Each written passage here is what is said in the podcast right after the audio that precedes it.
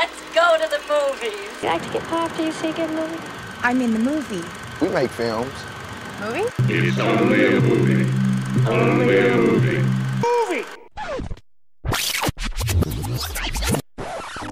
Mit navn er Mikkel Abel. Overfor mig sidder Joachim Jelle, og det her er Movie Podcast. Hvis man er en fast lytter af Movie Podcast, så ved man, at det var en kæmpe stor løgn, fordi jeg er faktisk Joachim Jelle, og du er Mikkel Abel. Hold kæft, et Shyamalan-twist, du fik fyret af der. Vi har vendt rollerne endnu en gang, og det er...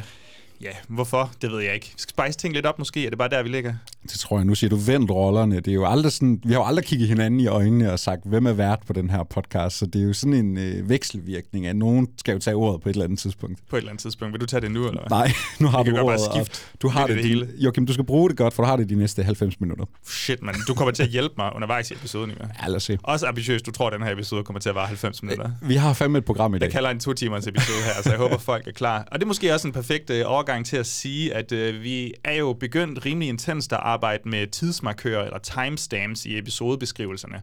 Så hvis nu I tænker, hey, jeg har egentlig ikke rigtig lyst til at lytte til de her to tosser snakke om Argyle i, hvad der nok bliver 45 minutters intens ros af ja. Den her film, Ja. så kan I jo altid springe øh, frem og tilbage mellem de forskellige episoder.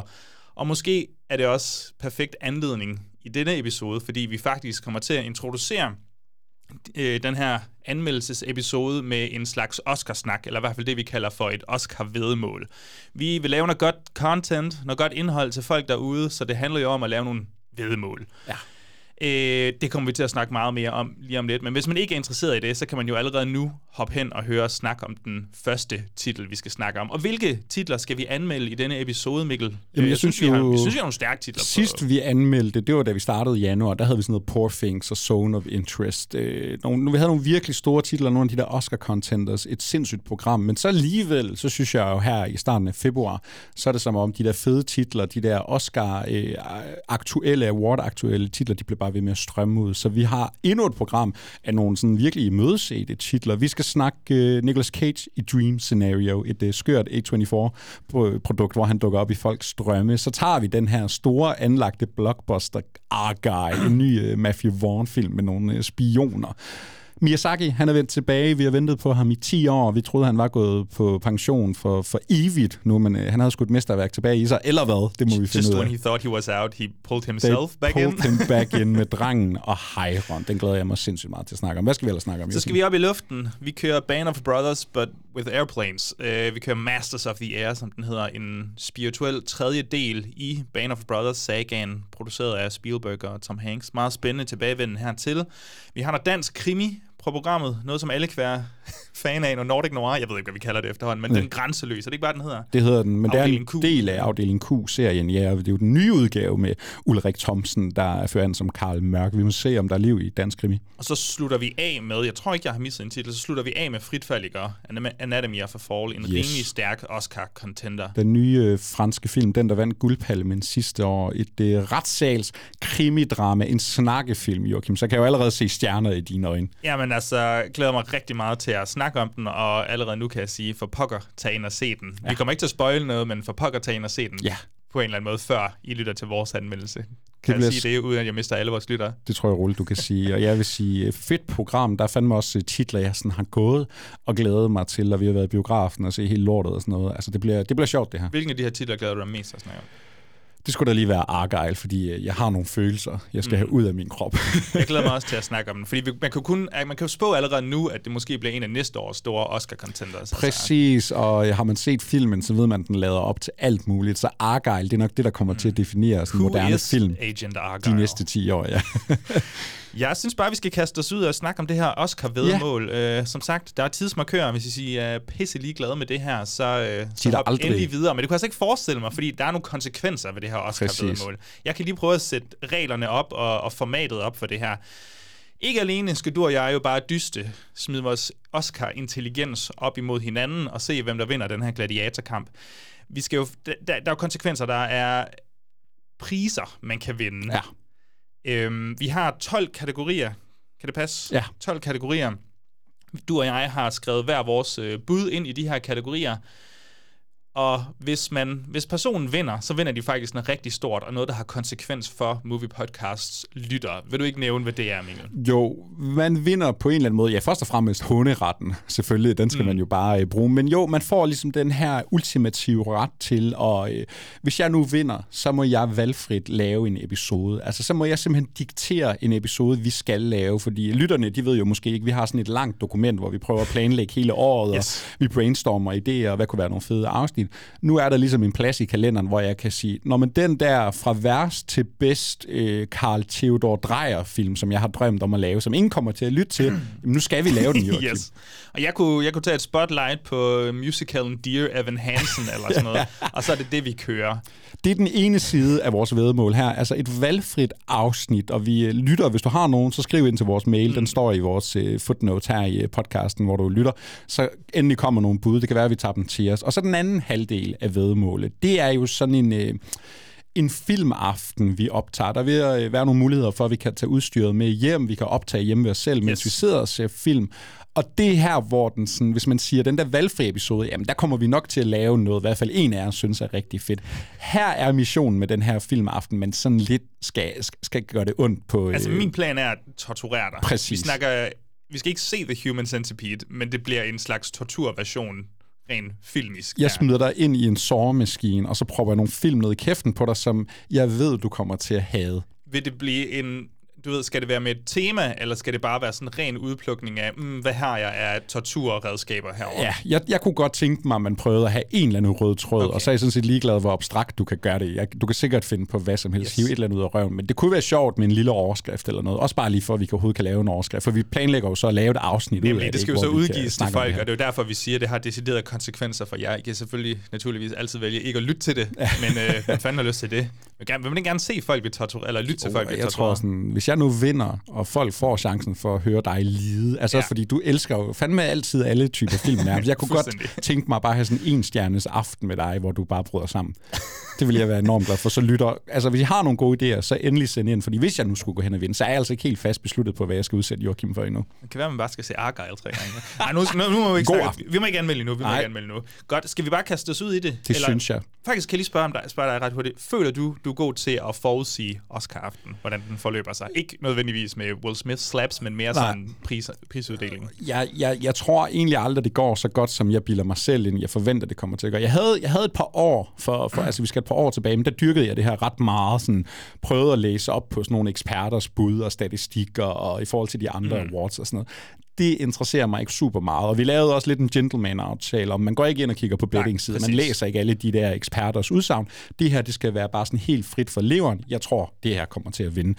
Øh, så nej, jeg synes, jeg tror, jeg plejer at have sådan lidt 50. Jeg, jeg plejer at have de sikre, lad os sige det sådan. Ja, det tror jeg også, jeg gør. Jeg, jeg er faktisk ret dårlig til det, ja. hvis jeg skal være helt ærlig. For jeg kommer til at gå med hjertet, og jeg er sjældent sådan overordnet enig med Oscar Akademiet. Altså, jeg, jeg stanede jo for hårdt på Kate Blanchett sidste år, var nærmest sikker på, hun må jo vinde. Har I ikke set filmen? Jamen, jo tager, hun men, må jo også sådan, hvis du skal tippe en 13'er, og så er det Coda, der vinder. Hvad er det for en psykopat, der siger, at Coda bliver den bedste film? Then altså, I don't want to be right. nej, så har du noget insider knowledge, du øh, simpelthen har brugt med, helt forkert. Bedste originale øh, score, altså baggrundsmusik. Musik ja, vi skal måske sige, vi har jo ikke taget alle kategorier. Vi har taget de 12 der, ikke? Og det er de store kategorier, vi og tager Og vi går sådan lidt hastigt igennem ja. dem her, fordi det, ellers kan det tage rigtig lang tid. Bedste øh, score, baggrundsmusik, og så bedste sang der endte jeg med at vælge Oppenheimer til score, og What Was I Made For, altså Billie Eilish i, øh, i Barbie. Jeg har også taget What Was I Made For. Hun har jo vundet øh, ja, både Grammy og Golden Globe. Og så er jeg gået med Killers of the Flower Moon for originale musik. Jeg håber, den skal lige have... Det er nok det eneste kærlighed, den får den aften, så jeg håber, det her det lykkes. Tror, tror, tror, du, den, tror den kan vinde over Oppenheimer? Jeg tror mest på Oppenheimer, men altså noget Potum Award, lidt kærlighed til Killers, ja, som vi ja. kan give den andre steder, det kan måske være, der er en chance. Jeg synes, jeg synes det er oprigtigt svært at vælge mellem de to stykker øh, også Ludvig, han er ung, ja. han har vundet før. Altså, giv den nu Fuck til Robbie for helvede. Giv den altså. til Robbie, mand. Hvad med, hvorfor tager du ikke I'm Just Ken? Tror du, den kunne vinde? Bliver den overhovedet fremført på dagen? Det håber det jeg. Kun, det er kun, hvis Ryan vil fremføre den, at den bliver fremført ja. på aftenen. Jeg tror, vi kommer til at se den, for det, de, de kan simpelthen ikke undvære den PR, der vil ligge i, at det går viralt. Men Billie Eilish, hun vinder alt. Altså alt, hvad hun rører ved, det bliver til guld. Men tror du, Ryan gider? Ja, det tror, ja jeg tror, han, er, ja, jeg tror han, ikke, har, jeg tror ikke, han har humor nok til det. Det tror jeg godt, han okay. kunne. Skal vi ved om det også? Skal, Ja. det, være, skal det være en kategori om Ryan performer på dagen? Okay, nu bliver vi bare sådan nogle gambling addicts, der, der smider penge på hvad som helst. Øhm, bedste internationale film. Ja, hvad var det nu, du havde øh, lagt dine penge på? Nå, men jeg var sikker på, at det var frit fald at skulle vinde der, for den er nomineret i alle de andre kategorier. Ja. Problemet er så bare, at den ikke er nomineret i. Ja, så jeg var jo sød og afsløre for dig, at den ikke var nomineret, fordi hvis du nu havde spillet på det, så havde jeg jo nærmest vundet på Det synes jeg, forhånd. kan godt huske, der var et eller andet med det, men jeg var sådan, nej, nej, det må, det må jo være den. Ja, vi endte med begge at gå med The Zone of Interest. Øhm, Der er jo det der sjove med, at Zone of Interest er den eneste af de internationale film, der også er nomineret som bedste film. Så ville det ikke bare være at skyde sig selv i foden, hvis du vælger en af de andre. Du er bedste internationale film, men du er ikke god nok til at være bedste film. Altså, sige, der, den har fin sådan, konkurrence. Der er Snefællesskabet, Netflix-film, uh, Society of the Snow, som den også hedder. Så der er Lærerværelset. Jeg tror også, du har set, er det Lo Capitano, den hedder? Ja. Og Perfect Days, altså Wim Wenders. Ja, ja. jamen øh, super stærkt felt, men altså, der er ingen tvivl for mig. Det, det må være Zone of Ej, Interest, det, der tager det må være Zone. Også bare, hvad den, den står for og lignende. Bedste animationsfilm. Jeg var snedig at tage Drengen og Hejren. Det, det ville jeg have gjort indtil i går, men så var jeg nødt til at gå med hjernen, og så tænkte jeg, ved du hvad? Det, Hjernen. med hjernen. Ja, fordi hjertet, siger drengen og hegn. Jeg håber for alt i verden, du får ret, og Miyazaki, han ligesom Okay. kan afslutte som den her legende og få sin... Øh, er det hans anden Oscar, tror jeg måske? Men nej, jeg tror, det bliver Spider-Man Across the er Spider-Verse. Ja, yeah, men det er superheltene, det er det, folket vil have. Altså, og det er jo en perfekt film, så hvad, hvad er der ellers at sige? Så er, der, øh, så er der bedste mandlige og kvindelige hovedroller. Der tror jeg, jeg har været lidt spicy. Men det er fordi, jeg er Paul Giamatti-fan. Ride or Die. Jeg har to Ride or Dies ja. I, øh, i mine Oscar-bud her. Og det kommer til at bide mig fuldstændig i røven. Men uh, ja, Paul Giamatti i bedste mandlige hovedrolle, og så Lily Gladstone i bedste kvindelige hovedrolle. Jeg siger også Lily Gladstone, og så går jeg med Killian Murphy for Oppenheimer. Han virker til at ligge Er det der. hjernen eller hjertet? Det er klart, det er hjernen. Nej, det ved jeg sgu ikke. Paul Giamatti, var, er han så god, eller hvad? Det var Brainheart. Men jeg synes, det er overraskende, at han er kommet så meget ind i samtalen, faktisk. Altså, det er som om, han er lige Okay, dukket... hvad, hvad mener du med det? Nej, men altså, jeg mener bare sådan, han er dukket øh, op af det blå nærmest her på det sidste. Og nu der, nu er der mange, der siger faktisk, det kan sgu godt være, at han går hen og tager Hvor ved du det fra? Jeg troede, du havde Det var inden ørerne vi begyndte ja, der. okay, ja, ja, ja. Ej, jeg, jeg er helt enig. Jeg tror sgu, jeg tror sgu han tager den. birollerne. Bedste kvindelige og mandlige birolle. Er der en uh, Ryan Gosling for Barbie her? Eller en jeg Mark tror, jeg, Ruffalo tror for Poor jeg tror det ikke. Lige siden Oppenheimer udkom, så sagde alle Robert Downey Jr. Det, jeg tror, han vandt det. Han har vundet en håndfuld andre priser, øh, så jeg tror, han ligger til at tage den. Vi er, vi er simpelthen så kedelige. Vi har fuldstændig kopieret hinanden Ja. her. Det er David vidste, Joy. Randolph for, uh, for The Holdovers, og så Robert Downey Jr. for, for Oppenheimer. Hvem, hvem, skulle det, hvem skulle det ellers være?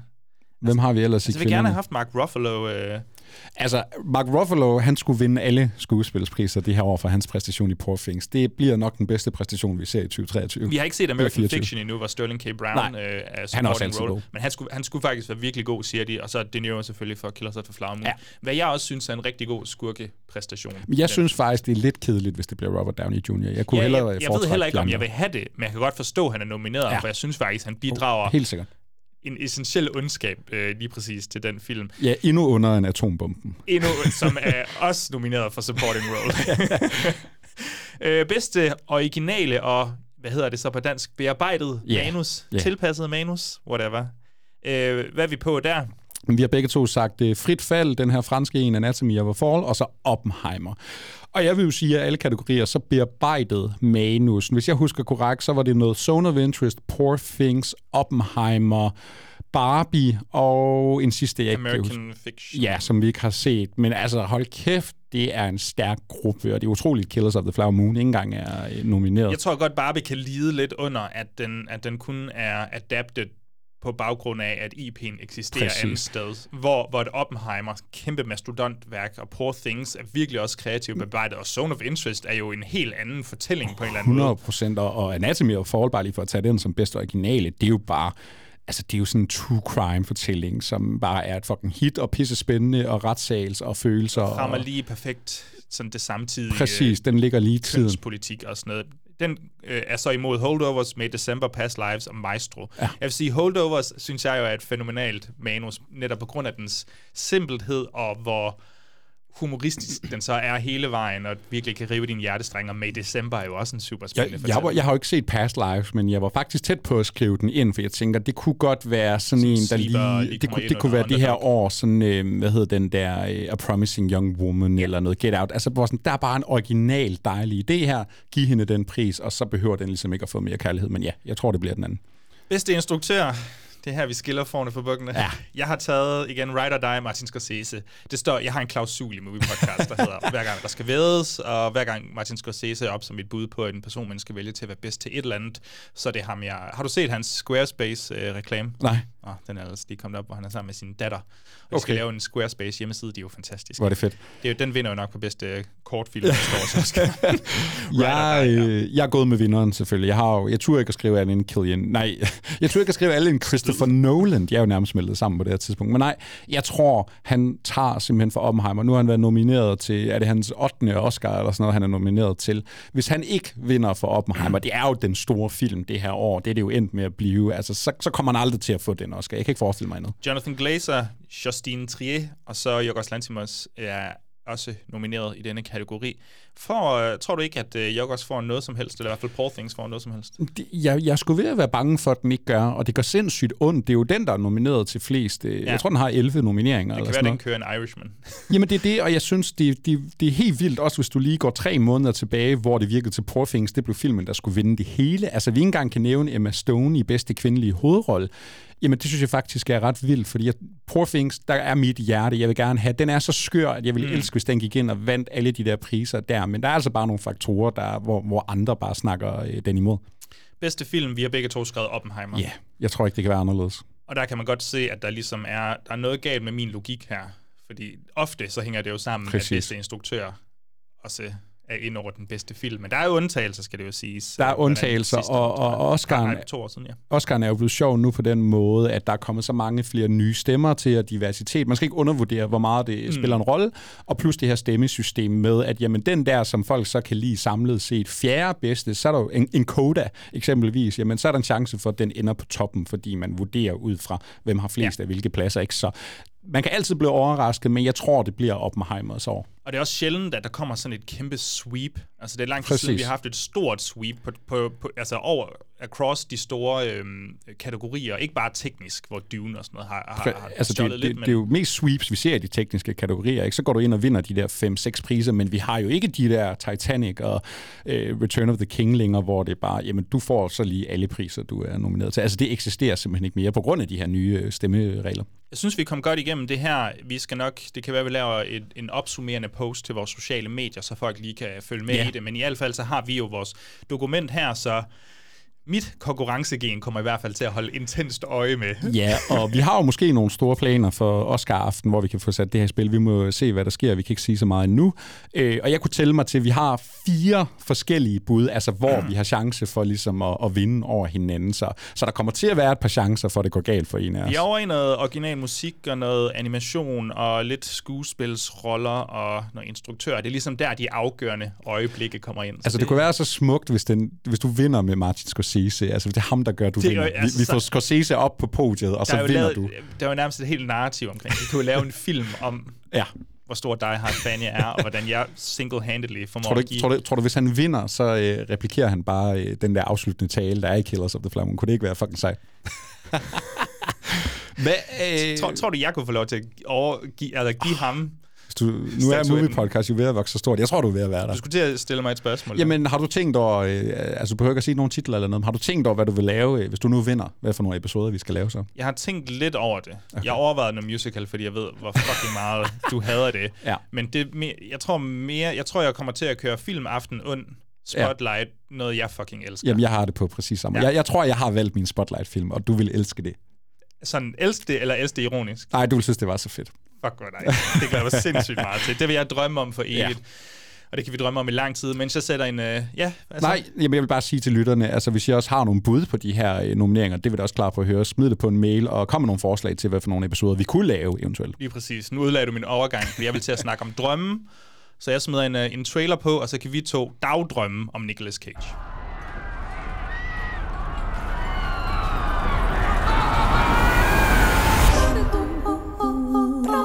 The zebra look the way it does? So embarrassing. Hey, shh, focus. Is this how it went? No, it's different now. You've been on my mind recently. Yeah? Because you keep popping up in my dreams. You don't do anything, you're just there.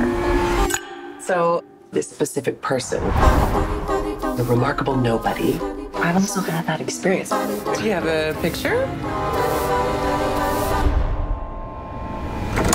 Nicolas Cage, gal eller genial, eller gal og genial, kan vi måske slippe afsted med. Vi har efterhånden snakket meget om Nicolas Cage. Vi har lavet top 5, 10, 5, Top fem, top ja. 5 rangering. Vi har lavet et spotlight på mesterværket Face Off. Vi har potentielt set også en, en corner spotlight i, i banken, vi kan smide ud på et eller andet tidspunkt. Mildest talt, vi er ret glade for ham, og jeg tror også, at verden, hele verden efterhånden, er ret glade for Nicolas Cage på godt og ondt. Hvor, hvor synes du, han så egentlig er i sin karriere på det her tidspunkt? Har han, er han kommet ud af det der streaming-fængsel der? Er Jamen han, det er han jo på en eller anden måde overhovedet ikke. Altså jeg synes jo et eller andet sted, det er enormt fascinerende, at han bliver ved med at leve i vores bevidsthed. Det er jo også noget, der taler ind i Dream Scenario. Men, men, men hvis jeg kigger på hans CV her de sidste par år, jamen så havde vi Pig i 2021, hans store præstation der. Så var der Unbearable Weight of Massive Talent året efter i 22, øh, ja, i 22. En film, jeg virkelig ikke særlig godt kunne lide, men en film, der kunne ikke være mere Nicolas Cage-agtig. Men mm. så faktisk her i løbet af 23 og 24, så er det jo sådan nogle streaming-titler. Jeg ser sådan noget The Old Way, Butcher's Crossing, Sympathy for the Devil. Jeg forestiller mig, at det er de færreste, der har set dem. Jeg har ikke set nogen som helst af dem. Og så var der jo selvfølgelig hans uh, Superman-cameo som han vist ikke selv var super tilfreds med, ligesom eksisterede. i hvert Det gjorde lidt nas, men jeg synes jo så, det er så imponerende, at vi når frem til Dream Scenario her, hvor jamen, så kan du køre det der narrativ igen. Nu kommer han med en af sine gode film, en af hans seriøse film, en lidt mere artsy film, og der er A24 i, øh, i, øh, i, i, i baglandet og alt det her. Og så får jeg igen den der, yes, nu kommer han og beviser på ny, det er det her, han kan, når han er allerbedst. Og, også en film, der er i samme ombæring som The Unbearable Weight of Massive Talent, hvor han selvfølgelig spiller Nick Cage. Ja. Så er der en rolle her, hvor han også tager sin persona, fordi jeg ved godt, at Being John Malkovich også er en film, der, der eksisterer derude, hvor John Malkovich spiller John Malkovich. Men, men det, vi tager Nick Cage, ideen om Nick Cage, personen vi kender sindssygt godt, og smider ham ind i det her univers, hvor alle drømmer om Nick Cage. Ja. Så jeg tror også, han er meget bevidst omkring sin sådan, øh, sådan station som kæmpemæssig superstjerne, men også lidt kikset. Og... Jamen præcis, og den her øh, film, Dream Scenario, er jo ikke selvbevidst på samme måde som øh, Unbearable Weight er, men ja, netop det der med, at han hele tiden lever i vores bevidsthed, altså, og, og de snakker jo decideret om memes, og det at gå Ja. viralt og sådan noget i den her film, ikke? fordi hvis vi kan tage handlingen øh, lynhurtigt, så handler det simpelthen bare om den her helt almindelige øh, professormand, så og han, han- der har en familie, og pludselig så begynder han sådan at dukke op i folks drømme, og folk begynder at genkende ham, og har ikke set dig før, han begynder at dukke op i deres drømme, og ingen ved hvorfor, men alle har ligesom set den her mand i hele verden. Og så skal han jo lige pludselig stå til ansvar for, hvad han gør i de her drømme, fordi drømme, de kan jo hurtigt blive øh, til mareridt. Ja, og det er måske også værd at nævne, at han er en helt almindelig mand, men han er også lidt en, en afdanket professor. Han, han, er ikke stærk, han er ikke den stærkeste akademiker, der nogensinde har eksisteret. Samtidig er han også lidt forbitret over de spildte muligheder omkring hans liv. Så i det sekund, han begynder at blive populær, jamen så har han da også i sinde at måske kapitalisere eller lukrere en lille bitte smule på den her popularitet. Ja. Men det skal jo så være på hans sådan præmisser. Præcis, så det handler om det at integritet, vi har noget cancel culture i spil, og vi har noget sådan 15 minutes of fame, og mm. det her med at gå viralt og blive en sensation, og så hvor hurtigt du kan ende i en uh, shitstorm. Og samtidig, hvordan alle andre mennesker også leger lidt parasitter på den her berømmelse, fordi alle gerne vil tage del i deres ja, 15 minutes of fame. Du har set uh, Christopher Borglis forrige film, Sick of Myself. Ja. Kan du ikke sætte nogle ord på den? Fordi jeg tror godt, den kunne åbne lidt op for, hvad Dream Scenario er måske. Jo, det, øh, jeg tror faktisk, den kom sidste år. Øh, lige nøjagtigt ikke god nok til, at jeg sådan kunne have den op i min top 10, men øh, en skidespændende film, og han er jo ham her, en nordmand, som bare har fået sådan en kometkarriere nu med sine øh, to film her. Jeg kan ikke huske, om han også har en tredje. Øh, Sick of Myself, den handler om en øh, kvinde, sådan, det, det handler om et, et parforhold, hvor øh, de begge to er sådan lidt nogle... Øh, øh, nogen, der gerne vil være kunstnere, de står sådan lidt over for deres gennembrud. Manden gør lidt mere, end kvinden gør. Og så følger vi kvinden her, som bliver sygeligt jaloux, og hun vil egentlig også bare gerne sådan gå viralt og have sine 15 minutes of fame. Hun vil gerne være en, man snakker om.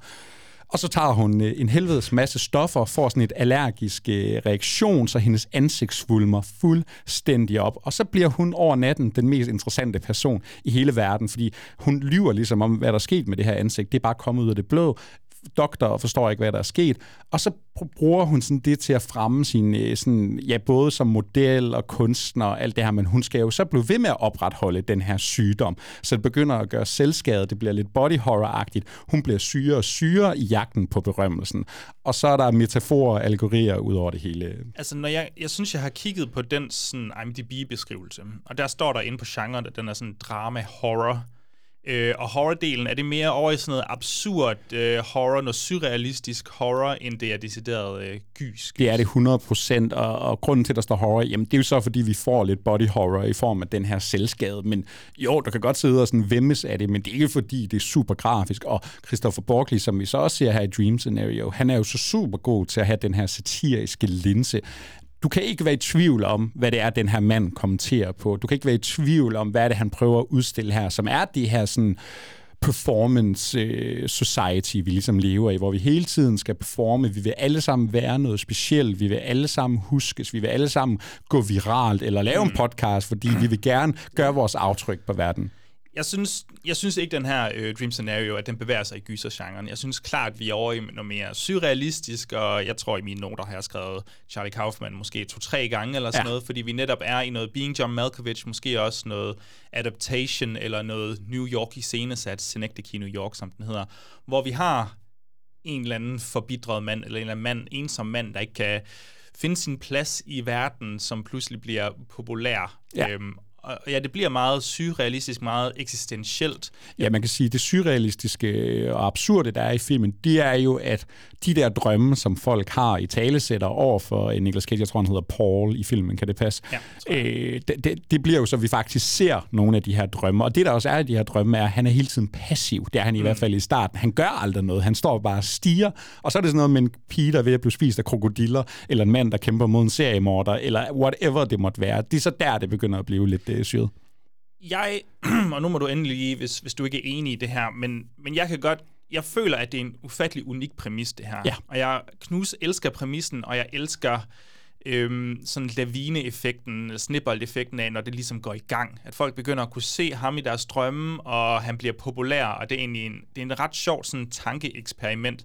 Men når vi så kommer til anden halvdel af filmen, så føler jeg faktisk, at vi kommer lidt for meget over i et sådan halv nu siger jeg ikke kedeligt, men, men lidt banalt Black ja. Mirror-afsnit. Jeg tror, alt det her med cancel culture, og de kontroverser, der ligesom øh, løber afsted derfra, jeg synes, det bliver sådan lidt altså det bliver ikke aggressivt nok, det bliver ikke spidende nok. Jeg synes, det er lidt for simplet, for forsimplet en gang imellem, i hvad den egentlig prøver at sige. Nu bliver det kedeligt, fordi jeg er desværre enig. Altså, jeg synes, den bliver for karikeret på en eller anden ja. måde. Og det er jo så ærgerligt, når den har den her syrede præmis med den her Florida Man-type, som vi alle sammen har set. Ikke? Og, og det der, når du introducerer drømme og det der Charlie Kaufman-agtige univers, så kan alt jo ske, men det virker mere som om, de der drømmescenarier, de gør jo ikke super meget, fordi det er jo bare noget, der er sket.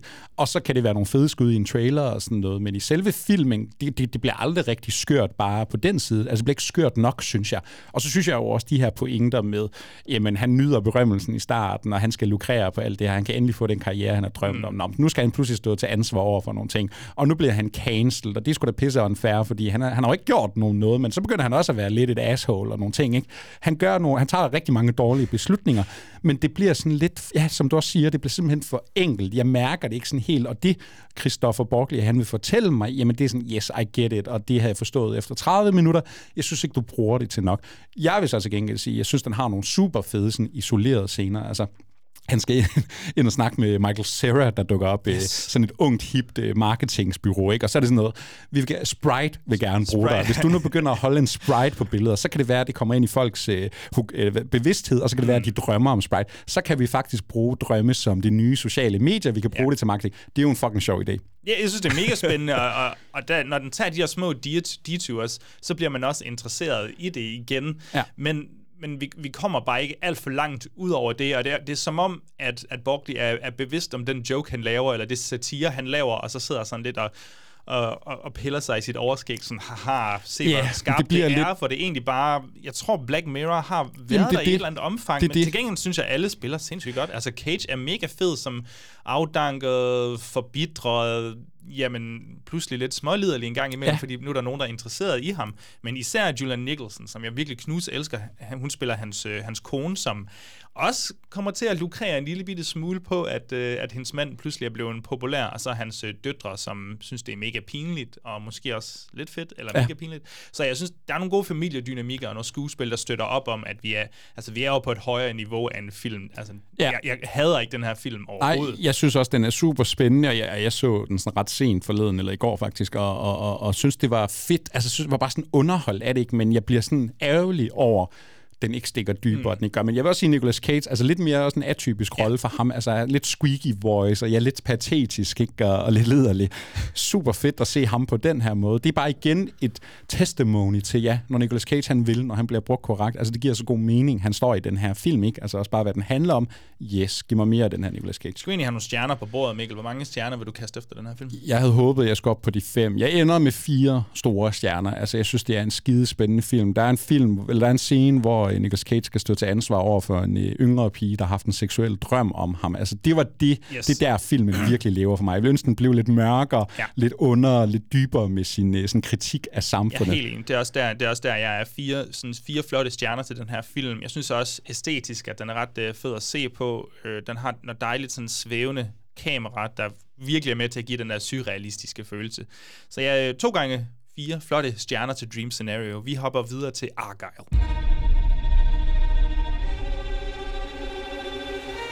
I certainly hope you dance as well as you dress. There's only one way to find out.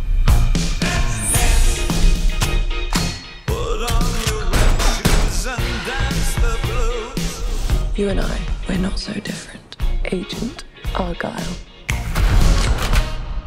Little help? Hold on.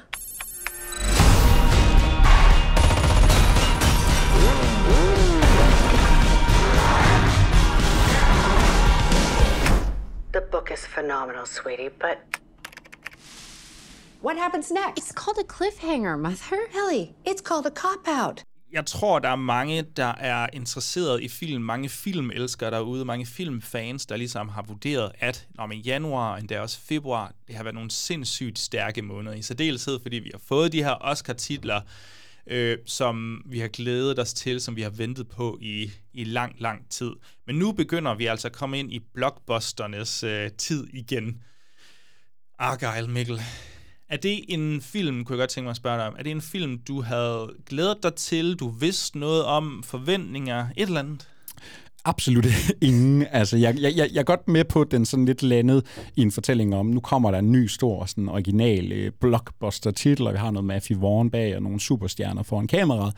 Jeg havde ikke set noget om den her film. Jeg vidste ikke noget om modtagelsen af den i Amerika eller noget som helst. Så da vi satte os i biografsædet sammen, så var det bare sådan lidt skyld ind over mig, og så ser vi, øh, hvad det ligesom bliver til. Du har ikke set traileren? Nej, men jeg havde alene på Henry Cavills øh, frisyr i den her film, så tænkte jeg, den kommer til at blive irriterende, den her. Okay, super fedt. så overfladisk er jeg. Øh, jeg lever lidt for meget af mit liv på internettet. Øh, jeg lever primært på internettet, kan jeg også formulere det samme. Og inde på det, vi så fint kalder for film Twitter, så så begyndte der at gå en masse jokes om den her film, før den kom ud. Who is Agent, Agent Argyle? Og bla bla bla. Fordi vi ligesom det, det var som om folk var enige om, det her, det bliver formentlig et magtværd. Nu laver vi nogle jokes. Okay. Joke-promoveringens altså, øh, materiale. Er det bare sådan filmsweater generelt, eller er det altså, afsenderne, altså, altså der er inde, det, det her? Godt, altså, det er bare brugere okay, fra ja. mit synspunkt, så ligner det bare de brugere, der har været sådan. Nok fordi, at traileren har sagt, who is the real Agent ja. Argyle? Ja. Og det er sjovt, hvordan de gør det til et kæmpestort mysterie, den her... You gotta sell your movie, man. You gotta sell your movie, man. Men ja, nu allerede på vej ind i plot og sådan noget, det er måske værd at nævne. Vi har nogle store stjerner, vi har en... Øh, faktisk ret stor instruktør, blockbuster-instruktør, der vender tilbage øh, til film her. Det er Matthew Vaughn. Han har lavet Kingsman-filmene, og han har lavet Kick-Ass. Kick-Ass. Har han lavet mere end det? Ikke? Jamen, så har han lavet sådan noget, Arno sidder på hans uh, producer, han slog jo igennem med den der layer cake, den har jeg aldrig nogensinde fået set, ja, okay. en uh, Daniel Craig. Men ja, Kingsman har virkelig defineret hans karriere, og så fik han jo også uh, X-Men First Class, han var jo den første, der sådan skulle lave den nye uh, satsning af X-Men-filmen oven på den originale en film, trilogi. jeg tror, jeg ret godt kan lide. Det kunne så jeg også ret godt. Sidst jeg så den, havde jeg et... Uh et et-tal i, i min alder. altså forrest i min alder. Så, så det var i min teenageår. Jeg ved ikke helt, om den holder den dag i dag. Altså, hvis vi skal tage Matthew Vaughn, så er det ikke fordi, han fylder noget i mit liv. Jeg vil ikke gerne se den der uh, layer cake. Og jeg har heller aldrig set Stardust. Det kunne jeg faktisk godt tænke mig. Kick-Ass, det er jo sådan en, du ser i 2010. Jeg er lige startet i første G, ikke? Jeg er 15 år gammel cirka den fedeste film, der nogensinde er lavet. Jeg har set den mange, mange gange siden. Nicolas Cage er jo også øh, fantastisk i den. Den tror jeg, hvis jeg satte den på i dag, nu er det mange år siden, så vil jeg stadigvæk elske den. Så vil jeg sige, de der First Class, Kingsman, i hvert fald de to første, som jeg har set, når jeg tænker tilbage på dem, ja, det var sikkert fint nok. Jeg tror ikke, jeg vil nyde dem super meget i dag. Øh, jeg havde corona øh, for hvornår inden man nu havde corona. Det Ja, ikke og så siger tid hjernen, man skal have et Matthew der, der Vaughn tror jeg, jeg genså de der Kingsman-film der. Den første er jo helt fin. Helt fin. Ja, ja. Og så ikke, så ikke meget mere end det. Og så tror jeg lige så stille, det går ned ad bakke der. Men øh, hvordan skal man beskrive hans stil? Sådan kægt, øh, meget ungdommelig, lidt teenage-agtig teenage-humor. Yeah. Nogle action-sekvenser, der er fuld af slow motion, og han bilder sig i hvert fald selv ind, at han laver de bedste action-sekvenser. Der, øh, sekvenser. Jeg synes, der er en snært af arrogance i hans øh, Jamen, filmageri. Kick Kingsman, øh, det er jo sådan en TikTok TikTokificering af noget James Bond eller et eller andet. Ikke? Altså det er meget sådan, hans sprog er meget, hans sprog er meget snappy, det er meget one-liners, og det der kamera, der er sådan, det ligner, det er sådan fake long takes, ja. ikke? Altså det tracker igennem rummet hurtige movements, og pludselig Colin Firth på 60 plus år, jamen han kan slås som en 20-år, ikke? Altså det er meget det sprog. Yes, og det er også det, han fører ind i, i, øhm, i den nye film her, fantastiske Argyle. Den handler om en, en forfatter, der bor sådan lidt tilbagetrukket, meget isoleret ude i naturen. Hun, har, hun skriver spionromaner om en hemmelig agent og et sådan globalt spionsyndikat.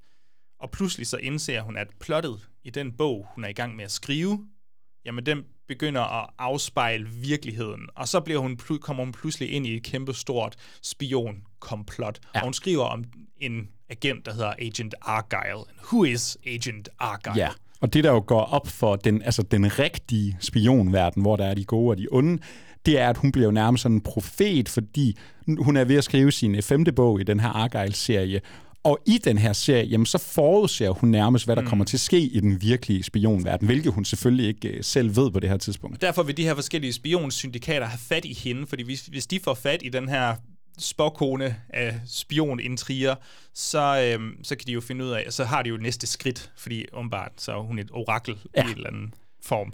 Så har vi en masse skuespillere. Vi har selvfølgelig Bryce Dallas Howard, som spiller forfatteren. Og så har vi Henry Cavill, Sam Rockwell, Samuel Jackson, Catherine O'Hara, Bryan Cranston, John Cena, Ariana DeBose og Dua Lipa blandt andet. Ja, to af de største. Hvor, altså, kan den her film leve op til det her kæmpe store superstjernecast? Øh, ja, det er jo så et godt spørgsmål. Jeg kan sige først og fremmest, så var jeg rigtig glad for. Hold kæft, hvor er det fedt. Jeg ved godt Henry Cavill, og det, det ved jeg heller ikke, om vi har fået i tale sat godt nok, men der er jo det her lag af, at Henry Cavill spiller den her fiktive Argyle-figur, som hun skriver i sine bøger. Det vil sige, at vi ser nogle ting udspille sig i det her fiktionsbaserede øh, spionunivers. Højnet Præcis, med Henry Cavill. Ja. Og så spejler det sig så i virkeligheden, hvor vi møder Sam Rockwell som agenten. Det sker altså tidligt i filmen, det her. Jeg var pisseglad for, okay, jeg ved godt, Henry Cavill, han fylder det hele på plakaten og sådan noget, men det er jo faktisk Bryce Dallas Howard, som vi kender fra noget Black Mirror og Jurassic, Jurassic World-filmene på det sidste, og så Sam Rockwell, som jo er en fucking genial skuespiller. Hvor var det fedt, at de to jo faktisk blev hovedpersonerne i den her film. Hvor var det fedt, at de kan få deres store blockbuster-fortælling. Ja, fordi jeg føler også, de er lidt sådan, hvis man, i hvert fald hvis man kigger på, hvordan øhm, hvordan Henry Cavill ser ud, og hvordan Dua Lipa øh, ser ud, og hvordan de bliver fremstillet i den her åbningsscene, som er for, slut, slutkapitel eller sådan noget, eller et kapitel i den seneste Argyle-fortælling. Ja.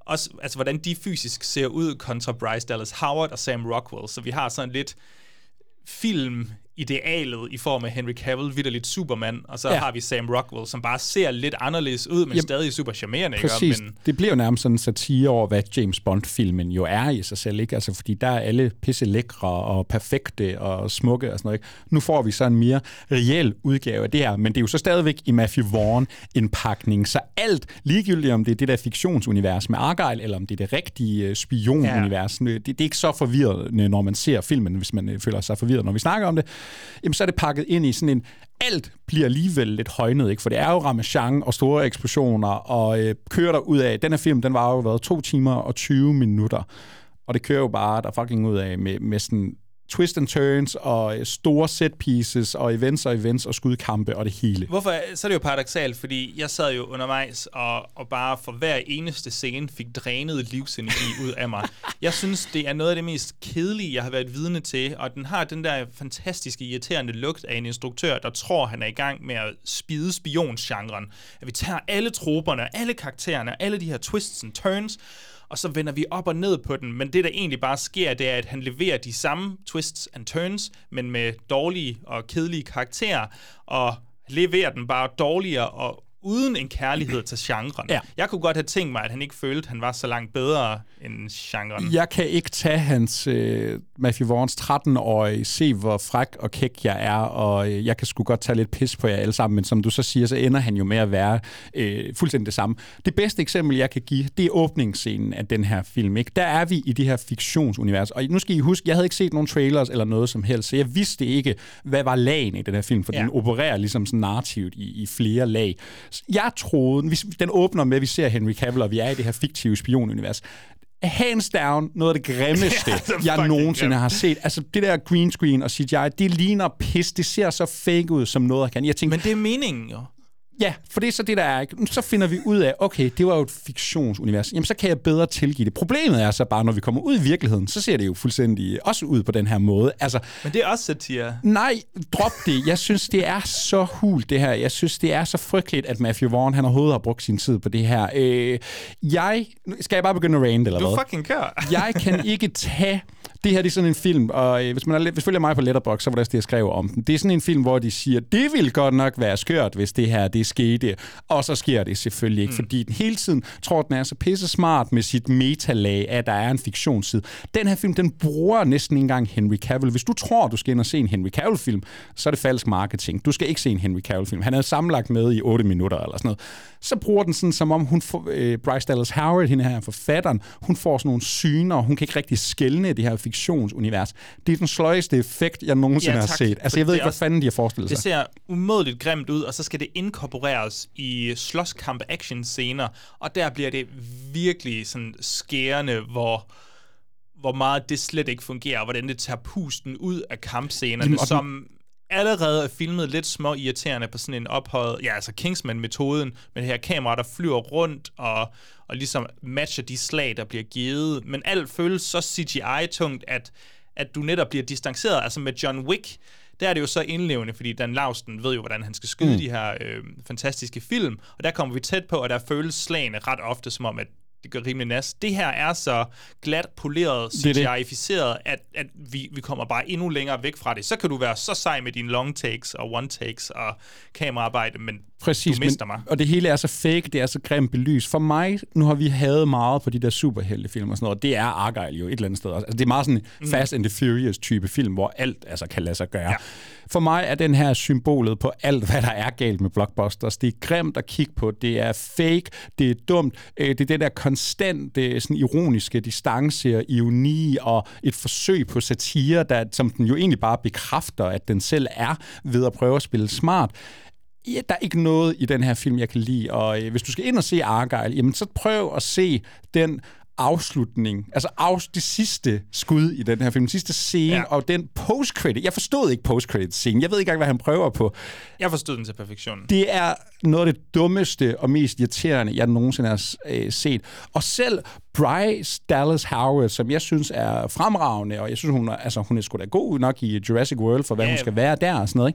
Ikke? Øh, og Sam Rockwell, altså den mand har været med han, i mange... Han kæmper så forbandet hårdt for at bære den her film, Præcis. men han lykkes ikke med Hvis det. du kan suge charmen ud af ham, så, så, så har du ødelagt det. Og hun, altså, så kan hun, du... hun kan heller ikke levere, Nej. og hun er, hun er desværre karismaløs, og det, det hjælper mig heller ikke, at Henry Cavill, det eneste han laver, det er at blinke ind i kameraet, basically. Lige vende hovedet og kigge ind i kameraet, kameraet, fordi hun får syner omkring et eller andet. Jamen, og også, der er... Jeg er noget at tænke, Dua Lipa, Dua Lipa er med i, bedre, ja. i sammenlagt to-tre minutter. Altså, hun er noget af det mere spændende ja. i den her film. Jamen, jeg, der er også, altså, lytter vi ikke engang taget øh, hul på halvdelen, der er i den her film, for der er så mange åndssvage twist and turns, ja. og den bliver ved og ved og ved. Den har Ringens Herre-syndromet. Den har 16 slutninger, den her film. Det bliver bare ved og ved og ved, og der er ikke noget af det, der betyder noget som helst. Jeg kunne ikke være mere zonet ud af den her film. Og også bare sådan nogle, der er nogle karakterudviklinger, hvor jeg simpelthen ikke, altså Bryce Dallas Howard, sådan, jeg køber simpelthen ikke, hvad du er i den her film, fordi der ender jo med at være så mange lag i hendes karakter. Yeah. Det prøver den i hvert fald at fabrikere. Og, og, og filmen holder det vagt på en eller anden måde, men filmen kræver også en mere fysisk præstation af hende,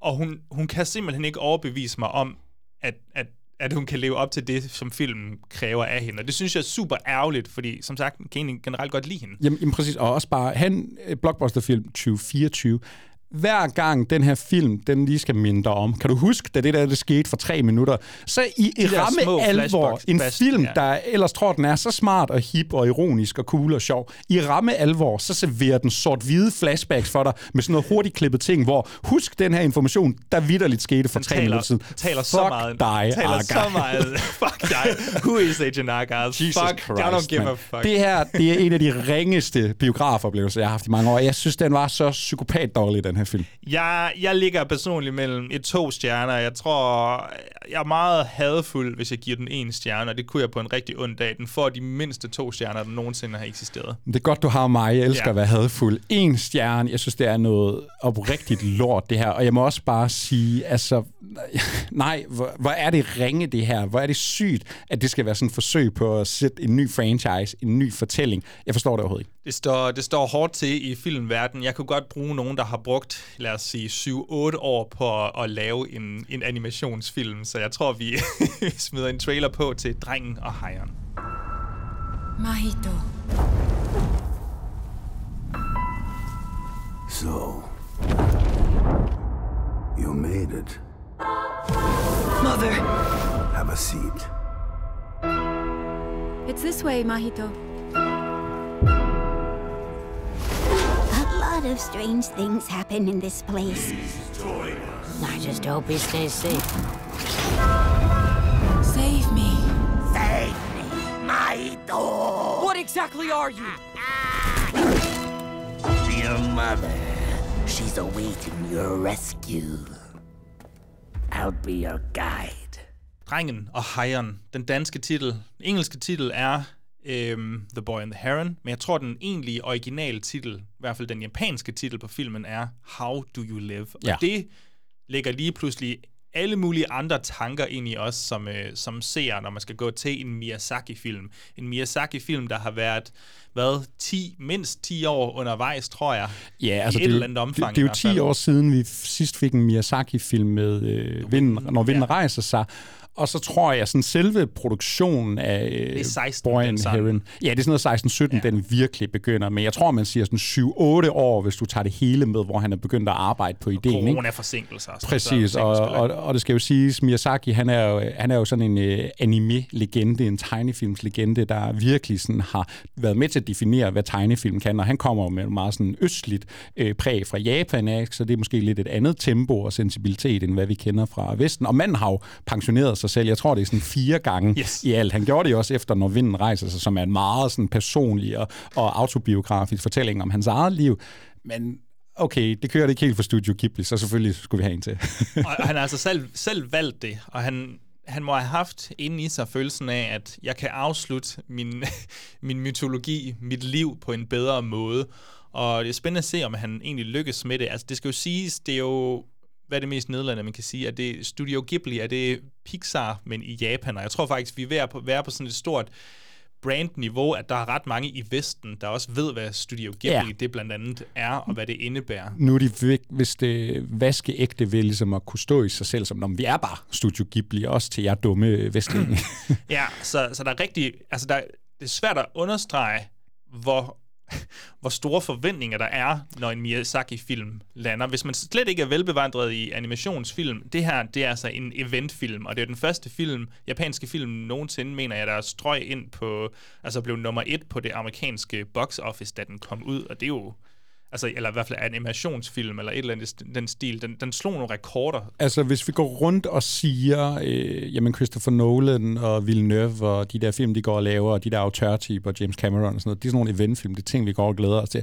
Så skal man ikke undervurdere, hvad forventningerne er til en Miyazaki-film. Bare lige for at tage hans film, Min nabo Totoro, Chihiro-heksene, øh, øh, Det levende slot, Ponyo, og så mange fantastiske sådan film, der har snakket til alle aldre, har øh, brugt øh, sådan meget klassisk tegnet yes. film, ikke? og selvfølgelig også brugt noget moderne, mere 3D-animeret, men på en eller anden måde en mand, der bare sådan har sat nogle helt unikke rammer for, hvad er et Miyazaki-univers med sådan den der type, hvor fantasien kun sætter grænser, og det er fantastiske eventyrlige skabninger, men der er jo også tit sådan en melankoli og noget voksent, og noget, det handler jo det oftest uh, coming-of-age-fortællinger, men han, han har jo aldrig været bange for, at det også gerne må blive lidt dystert. Ja, selvfølgelig, og Ja, og uhyggeligt direkte, og der er nogle monstre i de forskellige film. Nu har jeg set en fire stykker af hans film, så jeg vil ikke sige, at jeg er ufattelig velbevandret.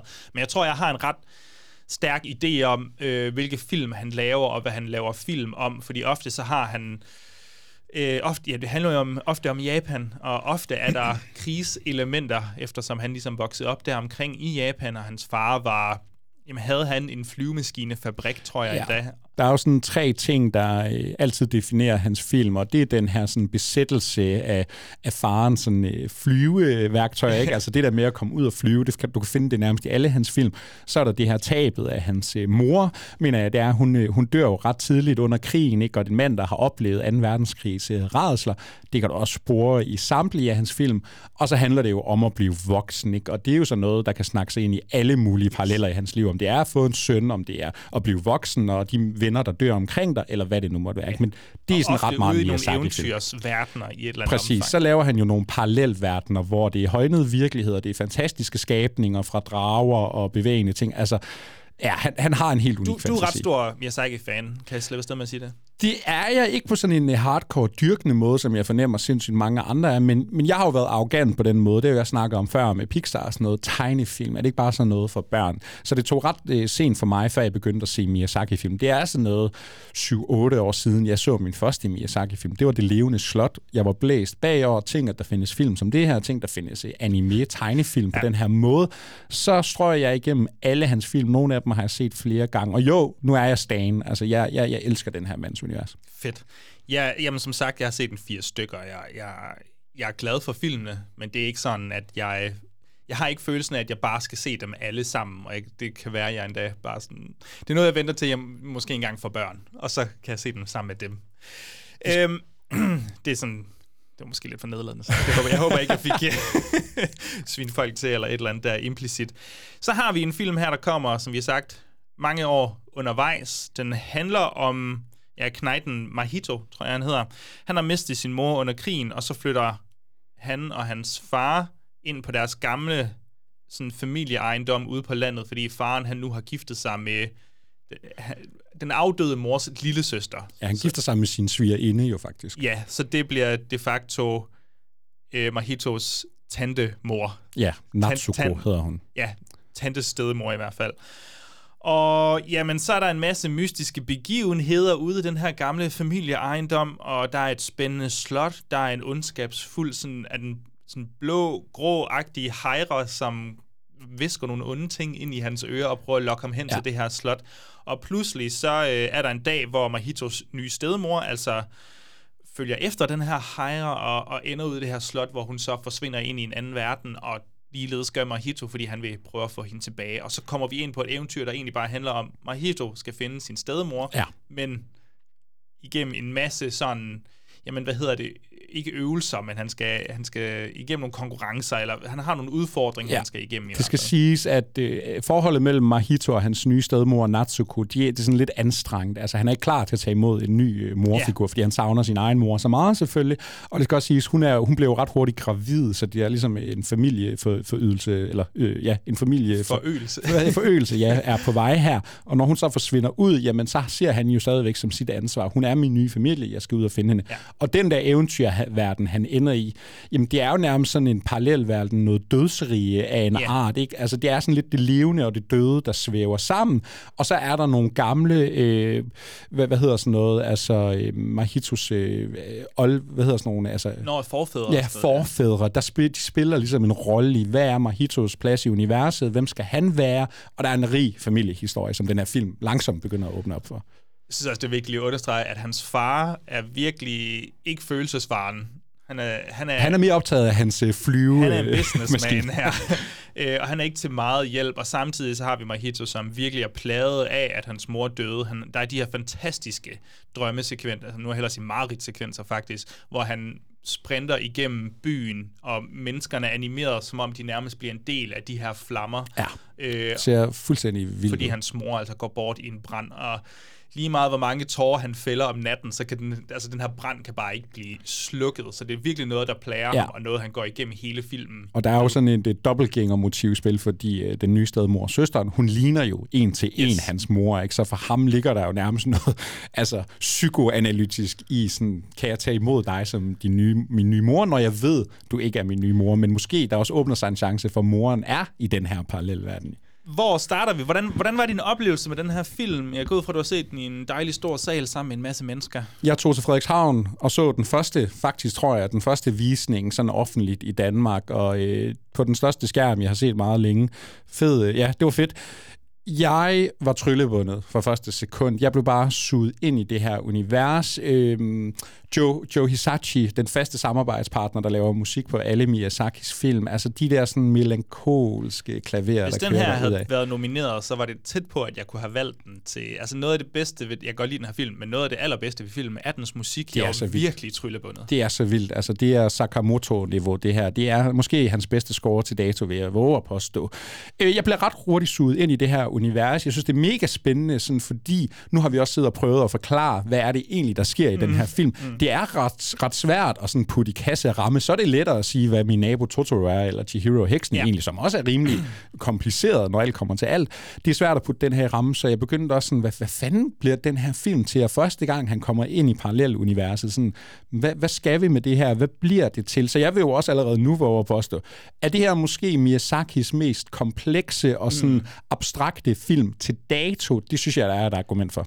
Du har så fint skrevet i vores noter, at, øh, at den måske kunne være for rodet. Jeg siger ikke, at du har det på den måde, men der står i hvert fald rodet, og jeg synes, rodet er et godt ord, men, men måske bare ulogisk i den forstand, at vi bevæger os lidt i en slags drømmeverden, hvor der kommer et segment efter et segment, og så skal vi ligesom prøve at finde hoved og hale i, hvad betyder det her for narrativet, vi er i gang med, men samtidig skal vi altid, eller det skal man ikke, men jeg kan ikke lade være med at tænke på det, skal vi finde ud af, hvad betyder det for Miyazaki som filmskaber. Fordi min oplevelse med den her film er, at den står stærkest, hvis man ved, at det her er Miyazakis sidste film, Mm. og hvordan han ligesom vil efterlade sit eftermæle, og hvordan det handler om at give, give sit imperie videre, og hvordan du vil være som person, hvordan du vil bruge det her imperie. Ja. Om det så er en flyvemaskine business, eller om det er en decideret drømmeverden, der er nogle magiske væs- væsener, der skal opretholde. Hvordan vil du videreføre det? Der står den stærkest. Men jeg kan også føle, at den er for rodet undervejs, og jeg mister lidt... Det, den, for mig så mister jeg noget af det der emotionelle bånd, der er mellem de forskellige karakterer, fordi så skal vi bruge dejlige 15 minutter på et eventyr med nogle store papegøjer. Fantastiske papegøjer. ja, altså Pludselig dejligt. kommer papegøjekongen. Ja, men mega dejligt animeret, vil jeg sige. Ja, lad os sige det. Jeg, jeg, nu, nu er det lidt tid siden, jeg faktisk har set nogle af de andre Miyazaki-film, og det er jo moderne teknologi, og det er jo også derfor, det har taget så lang tid. Ja. Han, uh, Miyazaki siger, at i gamle dage, jamen, så lavede han et minuts animation af det om dagen, tror jeg ikke. Nu er det sådan, nu laver jeg et minuts animation om måneden. altså, det er der, vi ligesom er, fordi han selvfølgelig er blevet ældre. Og detaljegrad. Men man kan også mærke detaljegraden. Den her, den bruger øh, 3D-animation, altså det der ild, du snakkede om. Der er en scene her, der er en scene her, hvor øh, hende Natsuko, øh, stedmoren, hun bliver sådan indfanget i noget papir, der sådan suger hende ind. Måske den flotteste animerede scene, jeg i mit Ja. liv har set, altså også med musikken og alt, hvad der hører til. Det her, det er sådan peak Miyazaki, og så bliver jeg jo også bare sådan helt forundret. 83 år gammel. Du har prøvet at give stafetten videre til de andre Ghibli-hoveder, din egen søn. Der er ikke rigtig nogen, der kan lykkes. Nu kommer du gamle mand ind som 43, eller 83-årig mand, og så er du bare stadigvæk den Ja. bedste, der nogensinde har gjort det her. For dig, hvad er det, der gør... Jeg har på fornemmelsen, du er lidt mere positivt stemt over for den her film, end jeg er. Hvad er det, der gør, at den bliver ophøjet så meget? Altså, hvad er, det, er der noget unikt ved den her film? Er det, fordi han prøver at snakke om noget mere voksen på en eller anden måde? Eller hvad er det, der lige spiller ind? Jamen for mig er det det der, når Miyazaki er bedst, ikke? Fordi på den ene side er det meget håndgribelig, coming of age, øh, moderkompleks og den her eventyrlige verden, som sådan lidt kan være hvad som helst. Det er sådan lidt den fornemmelse, jeg sidder med i den her film, for der, Ja. ja. det er sådan, der, ret sent i filmen, så kommer der plot-elementer ind, hvor man sådan, hvad fanden er det her lige? Hvad er det for nogle kreaturer? Hvad skal vi bruge dem til? Og pludselig sker der noget sådan nærmest larger than life.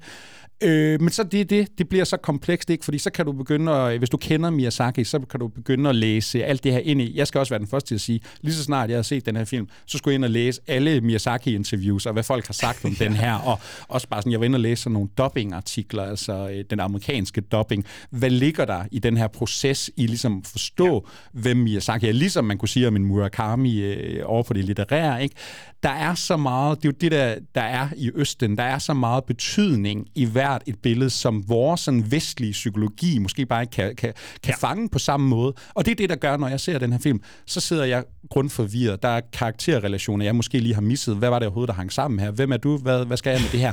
Men det er jo den der følelse, der så bare skyller, skyller ind over mig, hvad det hele er sådan samlagt, og musikken og billederne.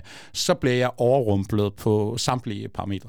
Og jeg tror, jeg tror simpelthen ikke, jeg har ressourcerne til at kunne øhm, hive den her film fra hinanden og finde den der sådan kæmpe store mening med den. Jeg kan se det på papiret på en eller anden måde, eller jeg kan se det sådan overarkende øh, fortælle, hvad hedder det, sådan budskaber måske, hvad han prøver at sige om sig selv, og det at være filmskaber og kunstner, og være far og være søn, og, og de er super spændende, men jeg vil ønske, at jeg fik den der åbenbaring, men så vil jeg så også reservere mig retten til at, at gense den her, efter jeg har set uh, samtlige andre Miyazaki-film, øh, og så sige, jamen, nå, men det var et mesterværk, og jeg tager fejl, men, men jeg, jeg, jeg er simpelthen ikke helt har, har du set uh, Når vinden rejser sig? Nej, det har jeg nemlig ikke. Den er jo sjov. Det er jo sjovt, han vender tilbage med den her film 10 år efter, fordi det er jo den mest biografiske af hans film. Den er så en til en hans liv på mange måder, og den virker men jo som... Hoved, spørger, er hovedpersonen en pige i den film? Nej, det er en uh, fyr. Det, det, er, det er sådan mand. ret meget Miyazaki selv, vi, vi følger på en eller anden måde, ikke? og så bliver han forelsket i en uh, dødeligt syg kvinde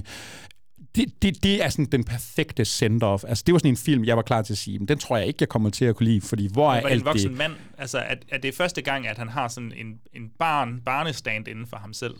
Ja, det tror jeg ikke nødvendigvis. Det, altså, han er lidt ældre, ikke? Han, okay, vi ser ja. ham mere vokse op i hvert fald. Altså, det, det, grunden til, at den er meget øh, biografisk, det er, fordi der er ikke alt det der sådan, øh, eventyrlige, der er ikke de der fantastiske okay. skabninger. Der er den meget mere straight omkring krigen i Japan og alt det her.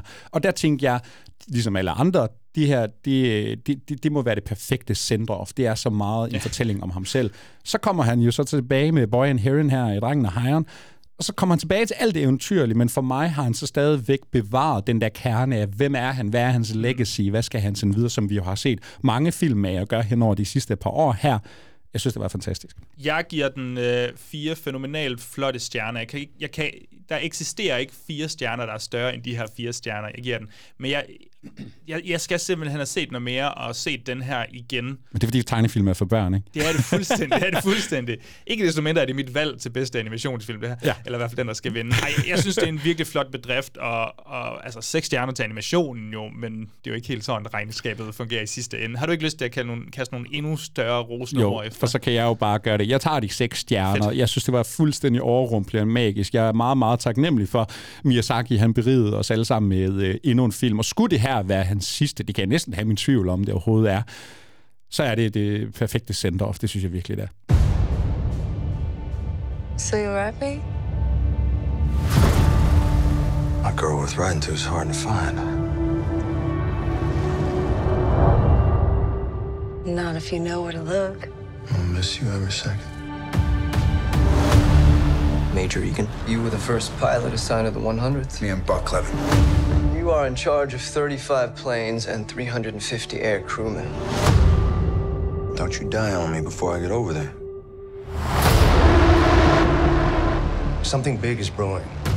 The 8th will be sending up the largest air armada ever assembled in the history of mankind. Straight into Hitler's territory. We need complete and total air superiority. That's the mission. What? You might be the last pretty face I ever see. Apropos send-off, så har vi take-off, lift-off. Her kan jeg slippe afsted med den overgang, og det er en overgang, der fungerer. Er det Top Gun 3, vi skal snakke om? Vi skal i hvert fald op i luften, kan jeg sige. Vi skal op til mestrene. Luft under vingerne. Luft under Luftens helte, så kan vi. Luftens helte. Det er utroligt, de ikke har live-action filmatiseret den endnu. Ja, nej, men den kommer jo så netop her. Ah. Det er jo der, hvor Spielberg og Tom Hanks har slået hovederne sammen. De har... Så et øh, hul i markedet der, ja. De har samproduceret uh, Band of Brothers og The Pacific. De har episke krigsfænomener, der kom i kølvandet på Saving Private Ryans popularitet, og var ligesom med til at redefinere, hvad tv-serierne kunne være. Jeg vil sige, Band of Brothers er definitivt en af de bedste serier, jeg nogensinde har set. Jeg tror, 50% af vores lyttere vil nærmest sige med det samme, ja, det har du ret i, Joachim. 45% vil sige, vi er i hvert fald derovre bag, og så er der 5%, der siger, jeg har simpelthen ikke set det endnu, men uh, du har sikkert ret, Joachim. Jamen, og hvornår er det fra? 2000, ikke? Så Ja, det er vi er der jo virkelig der i den tredje guldalder, øh, peak prestige TV. Det begynder virkelig at blive en ting nu, og den står jo tilbage i dag som sådan en af de helt store sammen med The Sopranos og The Og det er det her omfattende portræt af 2. verdenskrig. Det er en slags Ken Burns dokumentar. Vi føler, at vi er helt nede på jorden og finder ud af, hvordan var det at være i krig, og hvad er konsekvenserne heraf. Men i en fiktionaliseret meget, med, med nogle fantastisk dejlige spændingskurver undervejs, og masse krigsscener, plads til en masse eksplosive scener også. Det er, et, øh, det er en tv-serie, altså Band of Brothers, som har budgettet alligevel til at gøre det eksplosivt. Øh, altså vi tager overgangen fra Saving Private Ryan og for, skyder det ind i en krigsserie. Mm. Mm. Det er super spændende, og vi får lov til at se en masse forskellige karakterer. Den har en villighed til at introducere nogle karakterer for os til at forelske os i dem, og så slå dem ihjel, og så skal vi til at følge nogle andre. Og, og det er mega godt til at give den her følelse af, at jamen, de her karakterer, vi følger, de er soldater, men deres bedste venner bliver slået ihjel til højre og til venstre, mm. og så kommer der nogle nye personer ind, vi skal følge, og det er den samme følelse, vi har. Og det er jo så taget over til luften nu. Ja. Du, har ikke, du har ikke set uh, Band of Brothers, jeg har, aldrig, udstille dig jo. jeg har aldrig set Band of Brothers, jeg har aldrig set The Pacific, øh, og altså, Band of Brothers er jo sådan, jamen, jeg skal jo se den på et eller andet tidspunkt, men jeg er simpelthen aldrig kommet dertil, og det er sikkert, som du siger, det bedste tv, der nogensinde er lavet. Vi er i hvert fald deroppe af. Der er en, der er en god slåskamp her. Og så har vi John Orloff, som har skrevet to afsnit på det originale Band of Brothers, og så har han taget den her Masters of the Air øh, forlæg. Jeg er ikke sikker på, at den hedder Masters of the Air. Ah, den har en længere til, Det det, er sådan en også. rigtig lang, the, Ja. the, the 100 Bomb Squad, øh, bum, bum, bum, bum, bum. and how they saved Second World War from the definitive whatever. Sådan en dejlig tør akademisk titel. Så han har samlet en masse af de her øhm, bombepiloters øh, fortællinger, smidt dem sammen i en stor fortælling i det format, der er Band of Brothers-formatet, hvor vi møder en masse forskellige personer, og så har Spielberg, Hanks, været inde over og være producer, og Apple TV har smidt over 1 milliard kroner afsted efter det her projekt. Endnu en overskrift, der kan sige, øh, en af de dyreste, hvis ikke den dyreste tv-serie, der nogensinde er lavet. Og på instruktørsiden til nogle af afsnittene, så har vi en uh, Carrie Joji Fukunaga, vi blandt andet kender fra noget James Bond. Jeg var ved at gense første ja. sæson af True Detective. Det var jo dengang, han Hvad var den den bedste der? Var det instruktør. Maniac, den hed? Var det ham, der var inde over Det var nemlig også ham, og øh, Dee Reese, jeg ved ikke, om du nogensinde så den, der hed Mudbound på Netflix. Virkelig, mm. virkelig god film. Hun er også inde over, og, og nogle andre navne. Jeg kan se en, der har lavet noget Half Nelson med Ryan Gosling, og en, der har lavet, en, der faktisk har instrueret mange. Øh, Det er de der Fleck, og er det ikke det, de hedder? Jo, og der er en Tim Van Patten. Han har lavet en Marvel del også. uh, Sopranos. Han har også lavet noget af The Pacific og uh, Boardwalk Empire. Ja. Så virkelig nogle sådan store tv-serier. Tydeligt at se, der er nogle, ja, som du siger, der er nogle kræfter her, der gerne vil komme i måls med tredje part af fortællingen om ja. 2. verdenskrig, set fra vores perspektiv her i Vesten i hvert fald. Jeg kunne godt tænke mig at spørge dig, bare helt overordnet set, der har været Top Gun, der har været den der plane, jeg tror jeg, den hed. Med, er det ikke den Wait, hedder? what? Og, der, og Devo, Devotion, Var det den med Jared Butler, eller hvad? Ja. ja Devotion, Devotion med... Uh, ham Glenn ikke Powell også.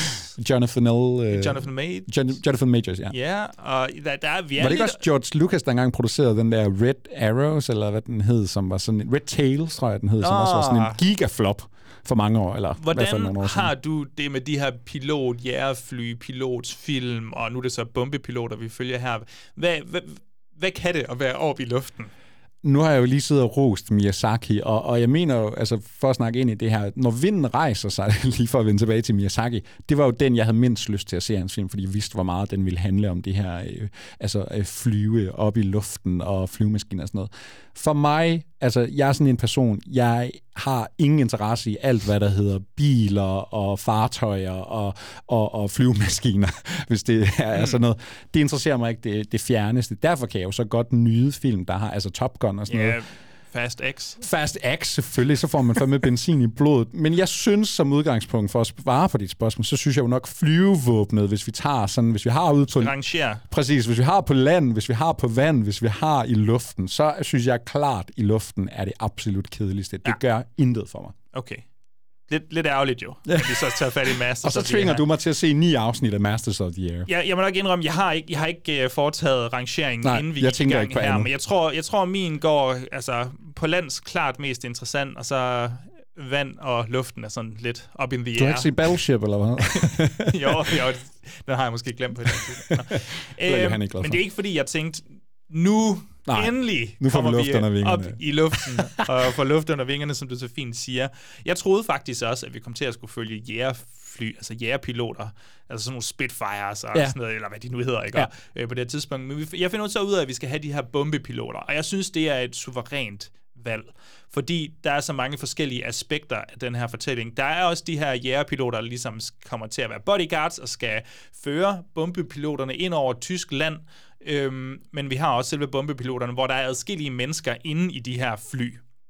Og det gør simpelthen bare sådan rent geografisk, at vi kan klippe fra de forskellige stationer, og det kan blive hektisk derop, og vi kan få nogle flotte skud op i himlen, ja. når, øh, med en masse røg og bomber og folk, der flyver derop. Ja, Jeg flotte Synes, synes, marker og sådan noget. Mange ja. lækre sådan Microsoft-baggrunde i den her serie. og der er plads til karakterudvikling derop, og man kan ligesom stige i graderne.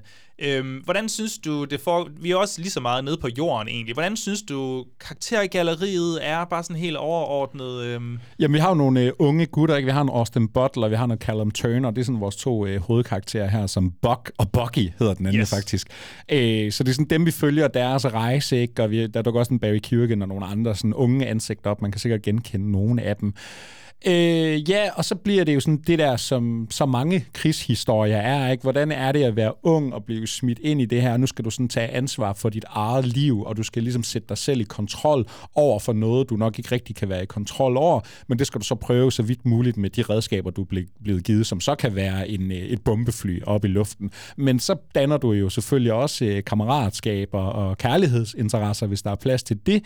Og så skal de jo sådan... Altså, jeg kan godt lide den broderskabsfølelse, den her Ja. film har kørende for sig. Jeg synes især Austin Butler, ikke, som vi kender som Elvis, og nu kommer han i Dune, og Callum Turner. Jeg kan bedst kende ham fra Green Room, hvor han har en øh, lille rolle i, ikke? men også et fedt ansigt. De går rundt med deres dejlige overskæg alle sammen. Jeg kan godt lide den dynamik, der er imellem den her gruppe, og alle får sådan lov til at være deres egen karakter. jeg kan faktisk alt. rigtig godt lide brøderskabet der, og jeg synes, den nailer samme stemning i hvert fald. Jeg synes ikke, karakteren er lige så god, men den nailer samme stemning, som der også er i den originale Band of Brothers. Det her med, at vi hurtigt danner nogle bånd, vi bliver sådan lidt øh, venneforelsket i alle vores øh, brødre, og så er den jo super god til at tage de her brødre fra os, og så skal vi øh, øh, på en eller anden måde forsøge at cope med det, og det gør de jo på forskellige måder. Der er nogen, der shotter fuldstændig af for følelser, der er nogen, der bliver mere aggressive, og nogen, der finder vej til flasken. så jeg synes, vi får et dejligt karaktergalleri, Mm. øhm, og, og også sådan nogle helt vildt trivielle og fjollede, måske nærmest tilfældige elementer, som jamen der er en person, som er vores fortællerstemme i den her fortælling, ja. han, øh, jamen, han stiger i graderne, fordi at hans der, han er navigator. Så er der en anden navigator, der bliver syg en dag, og det betyder, at han kommer op på, øh, på en mission, som går mere eller mindre godt, men, men for ham går den godt, og så får han lov til at stige i graderne. Men det, han stiger i graderne, det gør også bare, at han på en eller anden måde kan se flere af hans tidligere brødre, der som har lavet livet, og han skal stå til regnskab for det. Så jeg synes, det jeg elsker ved den her serie, det er, at den spænder så bredt, at vi får lov til at se det på for så mange forskellige biokratiske niveauer. Og sådan Ja, noget, ikke? og også de der sådan, tilfældigheder, der Ja, er i det krig. det. Ikke? Altså den ene dag, så øh, har du lige øh, bumpet nogen op i luften, og du har fået ram på den, du har udført den der mission, du var blevet sat for. Det har været en kæmpe succes. Du kommer tilbage til rygklapperi, og du er den største held i verden. Og den anden dag, så flyver du ud, og så bliver din marker bare nakket, ikke? og Yes. du bliver måske taget til fanget af nazisterne og sådan noget. Ikke? Altså den der, sådan, den der sådan, øh, grusomme tilfældighed, der yes. også er i krig. føler, at det er Gud, eller i hvert fald de højere magter, eller måske bare politikerne, der sidder og flipper en eller anden coin, og så er det dig i dag, der skal dø. Og det er jo det, de konstant skal leve med. Og Ja. det er jo derfor, de drikker sig spritstive hver eneste aften. Det Og er jo kan- fordi, at de ved, at i morgen dør jeg eller min bedste Præcis, og der kan man jo sige, selvfølgelig gælder det også, om du er på land eller om du er på vand, ikke? Men, men man kan sige, at flyveren er et meget godt symbol på den der. Nu er du virkelig bare en prik op i luften. Du er så isoleret. Der kan du om noget ikke bare slippe væk eller gemme standard sted, så hvis du først bliver ramt der, ikke, altså, så ser det rimelig sort ud. Så når du ligesom, altså det er der, du måske kan blotte dig allermest, ikke? Du har sådan alt på spil op i det her luftrum, og det synes jeg jo, der er, der er nogle fede dueller. Ja. Synes du så, de der øh, mange milliarder kroner, øh, kommer de til udtryk? Kan den bære det? Jeg synes, nogle gange kommer det til udtryk. Jeg vil også sige, at vi, for god ordens skyld, så så vi det her på screeners, eller jeg så i hvert fald det her på screeners, øhm, da det kom ud. Og, ja, der er nok en fire afsnit ude, eller sådan noget, som vi anmelder her. Vi ja, har set det hele. Ja, øhm, og, og det betyder altså, at der, der nok er nogle effekter, som ikke er færdige. I ja, det kan man håbe for serien. Vil jeg sige i hvert fald. Øhm, så jeg kan ikke være alt for ond der, men jeg, det er tydeligt at se i hvert fald, når der er øh, visuelle effekter, ja. CGI-effekter, som ikke er up to snuff, som vi, som vi virkelig siger på dansk. Ikke? Øh, det er der, den klart svagest, men den har så også nogle virkelig flotte CGI-effekter, især når alle de her sådan jægerfly skal, skal vende i luften, og vi danner nærmest bølger på himlen, og jeg synes, det bliver sindssygt smukt. Men, men det er klart, der den er svagest, det er, når vi skal have de her eksplosioner især, og ting, der sådan i perspektiv, der falder ned mod jorden. Det kan blive lidt CGI-gummi, og det vi generelt mm. set ikke bryder os så meget om. Øh, hvilket er lidt ærgerligt, fordi nu har de insisteret på, at de skal op i luften for over 1 milliard kroner, ja. og det skal se godt ud jo. Hvor, hvor synes du, den er svagest? Jamen, jeg synes... Altså, der, hvor den er svagest for mig, og det er sådan helt personligt, det er jo, at jeg synes som udgangspunkt, så synes jeg faktisk, så synes jeg det er røvkedeligt at være oppe i det her luftrum. Og hvad den her sådan, fortælling er, det er bare ikke noget, sådan, hvad min smag er. Det, det, det, det snakker ikke super meget Nej. til mig. Altså, det gør det virkelig ikke, så det kan jeg ikke sådan helt frelægge Bliver du så ikke glad, når de her fly, så bliver så ikke glade, når de bliver skudt ned. når de bare bliver nakket. Bliver så ikke glade, når de så skal hoppe ud i faldskærm, og så ender nede på jorden, og så skal vi have et øh, spionkomplot. Jamen, det er jo faktisk personer, der, jeg der synes, skal den er... væk. Vi har noget, skal selvfølgelig hen til nogle koncentrationslejre. Præcis, når de skal kigge nazisterne i øjnene, det er jo egentlig der, jeg synes, den er, er bedst. Altså, der kommer der noget spænding for mig, øh, og, og det der mere sådan personlige drama. Der er nogle gode nazister. Det altså, er der sgu. I, altså, som i nogle gode nazistportrætter. Og jeg vil også give den, den var... jeg vil også give den, den var... Ja, det er ikke Zone of Interest, det her. Jeg vil også give den, den var egentlig overraskende. Øh, altså, det er jo ikke, fordi den er grafisk eller noget, men den er sådan over, overraskende drabelig på ja. en eller anden jeg måde, synes, hvor jeg ikke har forventet praktiske det. effekter, som uh, en gyser elsker herovre, der godt kan lide at... Der finder en glæde i at se nogle afhuggede lemmerhister her. Så, så har den nogle af de der sådan rimelig klamme sekvenser, hvor metal er ligesom er skudt mm. ind i hovedet på en person. Ja, de kommer tilbage, ikke? så de sidder op i en brændende flyver, så er de helt ja, øh, forkullet nærmest, ikke? og man skal jo stadigvæk sådan overleve. Nej, altså, grundlæggende, så er der ikke en masse, jeg sådan kan sidde og kritisere. Der er klart nogle, øh, der er nogle bombeeffekter, noget, der skulle ikke lige er blevet renderet færdigt, eller noget i vores ja. screeners i hvert fald. Det spillede ikke super så godt. Så vi det også uden undertekster, og seriøst, man skal Austin virkelig... Butler, Austin du mumler. Butler er fucking svær at forstå, ja. men heldigvis er han mand af få ord i den her Præcis, serie. Præcis, der bliver, der bliver mumlet på rigtig amerikansk måde her. Men han ser godt ud, og han har sit star-making smile. Præcis, og han er kommet af med sin Elvis-dialekt. Men, men nu, nu jeg er nødt til lige at putte dig on the spot. Jeg kommer over til at tænke på vores True Detective-samtale. Ja. Ikke? Altså, kan du skille det med? Jeg ved godt, den her, den er, det er jo også antologiformat. Altså sidder du så med en fornemmelse af, ja, ja, det er fint nok, men det er jo ikke Band of Brothers, det her. Altså, ja, er der 100 procent. Jeg har det, altså, når jeg sidder og roser den her, så, så er det på sådan et, et, et generelt niveau, hvis jeg skal sammenligne med Band of Brothers, jamen så føles det her jo også bare som, føles stadig som Band of Brothers i nu i luften. Ja. Men så er det så også i luften, og det er så langt fra altså hvis du vil sætte True Detective sammenligningen op, så brokker jeg mig over, at, at den refererede tilbage. At den refererede så meget tilbage, altså i form af, hvem karaktererne var. Og det var sygt der, hvor Ross Cole, han blev sådan hologram. Og, kommer ind og siger hej, ikke? Men, men med den her, så er der alligevel så stort et skift i, at vi er oppe i luftvåbnet i stedet for. Øh, men stadigvæk, så kan jeg især i andel, anden halvdel sådan mærke, at nu begynder vi at referere rigtig meget sådan strukturmæssigt mm, tilbage til okay. den originale serie. Der er koncentrationslejrene, vi skal ned og besøge i et eller andet omfang ja. i hvert fald. Så, så den mister også lidt kreativitetspoint, fordi vi er trods alt i tredje version af Bane of Brothers nu med Masters of the Air.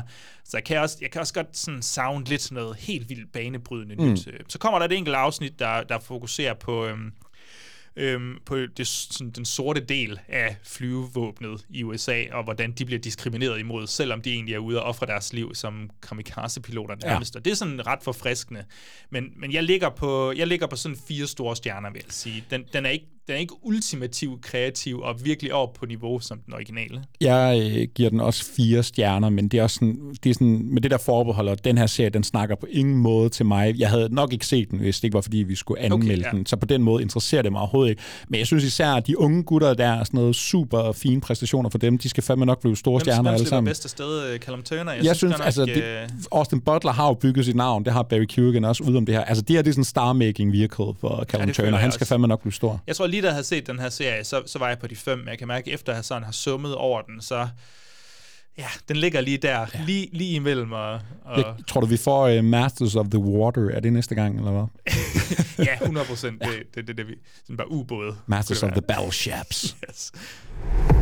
Kept the pain as a souvenir from your love. Jeg er lyset.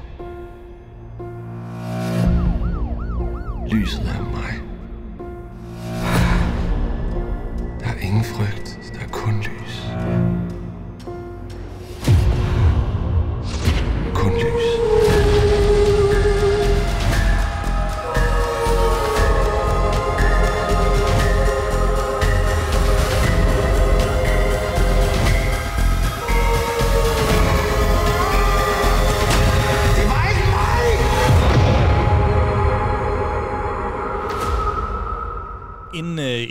begyndte at optage i dag, så, kunne jeg lige, så fandt jeg lige en artikel fra Echo, som siger, at øh, en, en rekordåbning her for de sidste par år, det er faktisk den grænseløse, den seneste, Nå. altså for, for dansk film øh, i de danske biografer. En, I løbet af de sidste par år, vidderligt, øh, fordi den har solgt for 85.000 kroner øh, i dens åbningsweekend. 85.000 kroner eller Nej, billetter? 85.000 billetter, undskyld. 85.000 kroner. Ikke største succes. 85.000 øh, billetter, vel Jeg ved godt, vi arbejder med små Som- budgetter i dansk film. men 85.000 kroner, hvis det er noget, vi Det er fejrer, altså ikke, det er altså så, det er ved- altså ikke nok. så er det kan være op ad bakke. Men øh, som er et rigtig fint tal generelt, men for afdeling Q, filmserien, er det stadig lige omkring det skuffende niveau. Øh, som sammenligning, så havde film 4 215.000 billetter solgt i dens åbningsweekend, og jeg tror, Ternet Ninja 2 er vist den største, måske nogensinde, eller i hvert fald her i løbet af de sidste mange år. Jamen nu blev jeg da lige sådan, øh, nu blev da lige nysgerrig på, hvad Bastarden den øh, lavede sin åbningsweekend. Det kan faktisk se, altså den har jo solgt 250 bil, 250.000 billetter øh, i alt nu, ikke? men dens åbning var faktisk kun øh, 34.000, ja. og det er meget det, de store ligger omkring, de der 30.000. Så selvom, bare for at sige det, så selvom den grænseløse måske er lidt skuffende i forhold til de andre film i den serie, så er det altså stadigvæk en af de største titler, danske titler, vi har med at gøre, også her har med at gøre i dansk, øh, eller i vores øh, podcast her med dansk film, fordi så meget snakker vi egentlig ikke om danske titler og danske film generelt. Jeg kunne godt tænke mig at høre dig, primært fordi jeg ikke har noget som helst forhold til afdeling Q, hverken bogserien eller filmserien. Ja. Ja. Jeg har måske læst de første 50 sider af den første bog, og så Altså afdeling Q. Ja, Ja. ja, og så tror jeg bare ikke lige, at jeg nåede. Nej, jeg læste videre 50 derfra. sider af Jussi Adlers første bog, Alfabethuset, som ikke har noget med afdelingen Q Okay. at gøre, men så kom jeg heller Du aldrig. skulle bare lige flexe, at du faktisk... Ja, jeg har også læst den, ja. ja. super. Hvor, hvor ligger du så med, med filmserien? Fordi der tror jeg, du har set noget mere end jeg har. Jeg har heller ikke set noget. Nej, der er to ting til det. Min kæreste og jeg, vi har jo sådan en øh, fascination af dansk film. Altså, hvis der er noget, vi sådan kan findes fælles om, alle de film, jeg putter i fjeset på hende, så skal vi ikke se den her sammen, og hun siger, mm. nej, det gider jeg overhovedet ikke.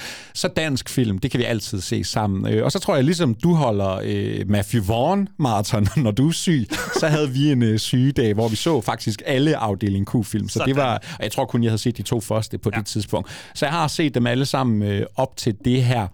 Og øh, for mig, hvad er afdeling Q? Jamen, på mange måder den mest sådan middelmådige franchise, du kan finde ude på markedet. Okay. Altså, for dansk film, så er det jo nogle store kræfter, der har været bag. Der har været sådan lidt skiftende øh, pro- producer og øh, instruktører, og skuespillere for den sags skyld, øh, bag her.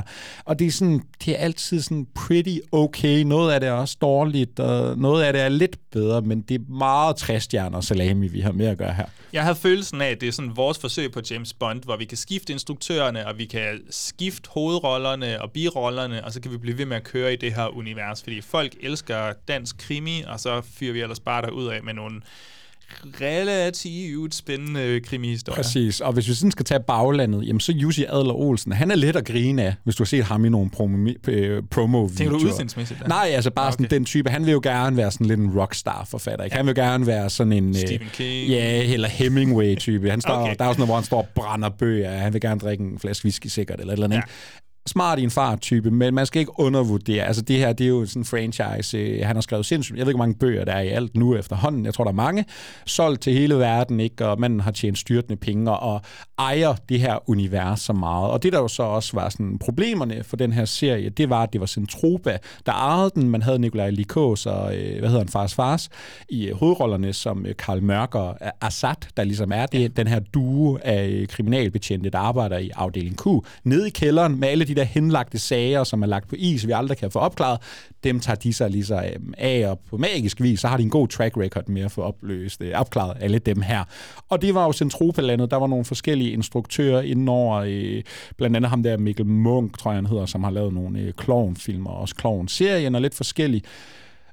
Jussi, han var sgu aldrig tilfreds. Det var ikke den filmatisering af afdeling Q, han havde forestillet sig. Så øh, det, det skifter hænder over til øh, men det er nordisk film. De tager over, så hiver de Ulrik Thomsen ind, og Sat er nu allerede blevet spillet af to forskellige skuespillere, og Rose, karakteren, som kommer ind i, det må så være den tredje bog, eller sådan noget, mm. der bliver deres øh, sådan hvad skal man sige, sekretær, assistent, men jo også får sin egen sådan, karakterdrama. Jamen, hun blev jo så spillet her nu i det nye af Sofie Torp, og så har vi Ulrik Thomsen som øh, den gode Karl Mørk. Okay, så hun har været med før? Um... Hun har været med de to af her, fordi nu er vi så i det nye univers over på Nordisk Film, hvor vi har haft Marco-effekten, og så nu den grænseløse, okay. som er Ulrik Thomsen og Sofie Torp. Og nu kan jeg simpelthen ikke huske, hvad de to hedder. Saki Youssef, og jeg kan ikke huske, hvad ham her den nye Assad han hedder. Nej, okay. Øhm, fair nok. Shit, man. Så fik jeg lige crash course i det. Jeg kunne godt mærke, at der var en lille bitte smule, som jeg ikke helt var med på omkring deres baggrundshistorie, hvor godt de egentlig kendte hinanden. Og jeg tror slet ikke, jeg vidste, hvordan Karl Mørk var som øh, person, Nej. fordi jeg har lyst til at spørge. Han, er han skrevet sådan lidt nu siger jeg socialt akavet, men har en diagnose eller sådan noget? Ikke så vidt jeg ved af, ikke, ikke noget, der fortalt i film, men han Nej. er jo forsøg på at være den der klassiske matrede øh, kriminaldetektiv, vi kender fra cirka alle sådan neo-noirs ja. nogensinde. Ikke? Han har nogle lige i lasten, han har en tidligere makker, han ligesom lidt måske har været skyldig i at komme mm. til skade, ikke? og så har han jo en masse selvhad, som jo så typisk går ud over andre mennesker. Det jeg så også lige skal sige, nu når du ikke har set de andre ja. film, jeg vil sige, hvis du skal se noget, så se måske Flaskepost fra P og Journal 64. Det er måske de bedste af dem. Ikke noget fantastisk, men helt fint. Det, der er med øh, den, den generelle problem i den her serie, det er øh, sagen, mysteriet, det er det, der dikterer alt. At det så altid er helvedes forudsigeligt, og vi nærmest får afsløret morderen i første scene, det er meget Jussis ting, tror jeg. Okay. Det, er, det er så vidt fint nok. Men det er så meget sagen, der dikterer. De her mennesker, vi altid møder, de er øh, hule Altså, det er så, de er så meget defineret af de der arketyper der, og det synes jeg jo så, vi kan snakke os ind i, om ja, det er gået igen her i Jeg havde i hvert fald ikke følelsen af, at jeg kendte dem alt for godt, men Nej. på samme tidspunkt selvfølgelig, at jeg kendte dem ud og ind. Jamen, og vi snakkede jo lidt om, skal vi overhovedet anmelde den her, fordi giver det mening for dig, der ikke har set nogen af de andre, eller bare mm. ikke engang har set Marco-effekten? Jeg vil jo våge at påstå, nu så jeg fem film back-to-back. Jeg vil våge at påstå, du kan tage hvilken som helst af de her film, og så er du okay. ikke gået glip af noget information, du har brug for, for at stå på den næste. Ja, man kan sige, at vi er ude på det her eventyr med Karl Mørk og Rose og Sat, de skal... Jeg tror, Karl Mørk får sendt Rose afsted til Bornholm på en eller anden sådan ærende, som han ikke helt gider at tage del i. Det er så her, hun ser en nu pensioneret politimand, som skyder knuppen ud. Det er ham, hun skal over og besøge. Yes, han skyder knuppen ud på sig selv og annoncerer ligesom, Karl Mørk har drevet mig til at gøre det her, samtidig med, at fordi der har været en tidligere sag, en uopklaret sag på Bornholm omkring hende her, Alberte, måske? Ja. Ja, det siger ja, vi. det tror jeg. En ung kvinde, der, øh, der har boet på en højskole, og så er blevet en del af en, en solkult på Bornholm. Det er svært at sige med straight face, det her. Nå, men hun, er altså, i Danmark, hun er altså blevet kørt ned, virker det til. Eller, eller hun er i hvert fald blevet dræbt, måske, hun døde i en vejkant på der... cykel, og så hun blevet ja. måske placeret op i et træ, eller så hun blevet flunget, fl- ja. hvad hedder sådan, flænget op de, i det her træ. De har ligesom lagt sagen på is og sagt, det var bare trafikuheld, og det var en uh, runaway driver. Hmm. Hun ligger så op i det her træ, to-tre meter op i luften, og nogen siger, det kan sagtens lade sig gøre, andre siger, er der noget andet på spil her? Og det, der så også sker, uden at spoil, øh, ligesom med morderne og sådan noget, det er jo så, at selvfølgelig kommer Assad og Karl øh, på besøg på Bornholm, og så skal de her tre nu løse ja, både mysteriet om Alberte, men også mysteriet om solkulten, og så samtidig skal de finde frem til de her Altså, den handler, nu siger jeg, den handler meget om fortiden, men det definerende for vores karakterer er ligesom deres fortid. Så Karl ja. Mørk har nogle forbindelser til øh, Bornholm, Han har en, en, en eks-fløt, der har ja. nogle hemmeligheder til ham, og så skal det siges, at Rose, hun har nogle, nogle hun er også ligesom martret fortiden, Hun er ved har at en far, har bearbejde begået nogle, selvmord. Ja, hun er ved at bearbejde nogle uh, traumer. Og jeg vil jo faktisk sige, nu når, efter at have set alle filmene, det her, det er nok den sådan på papiret, der har mest sådan karakterdrama, altså individuelt i, hvad de ligesom har med fra fortiden og deres egne relationer, men det er jo så meget dikteret så af kan det vi her, snakke om, øh, hvordan det er håndteret i hvert fald. Jeg kunne godt tænke mig at høre dig, Mikkel, som den, den, som den største afdeling Q-filmfan her i Danmark, i hvert fald i Aarhus. Hvordan var, det, hvordan var oplevelsen med den her film? Var den lige præcis, hvad du forventede? Den var lige præcis, hvad jeg nok forventede. Nu skal det også siges, den er instrueret af Ole Christian Madsen den her gang. Det er første gang, han instruerer en af dem. Øh, Jeg så et rigtig irriterende interview med ham, hvor han er sådan... Jeg, jeg prøvede at lave en... Han er, han er jo kendt for at have den her øh, hat på, sådan en, øh, hvad hedder sixpence-agtig hat. Mm.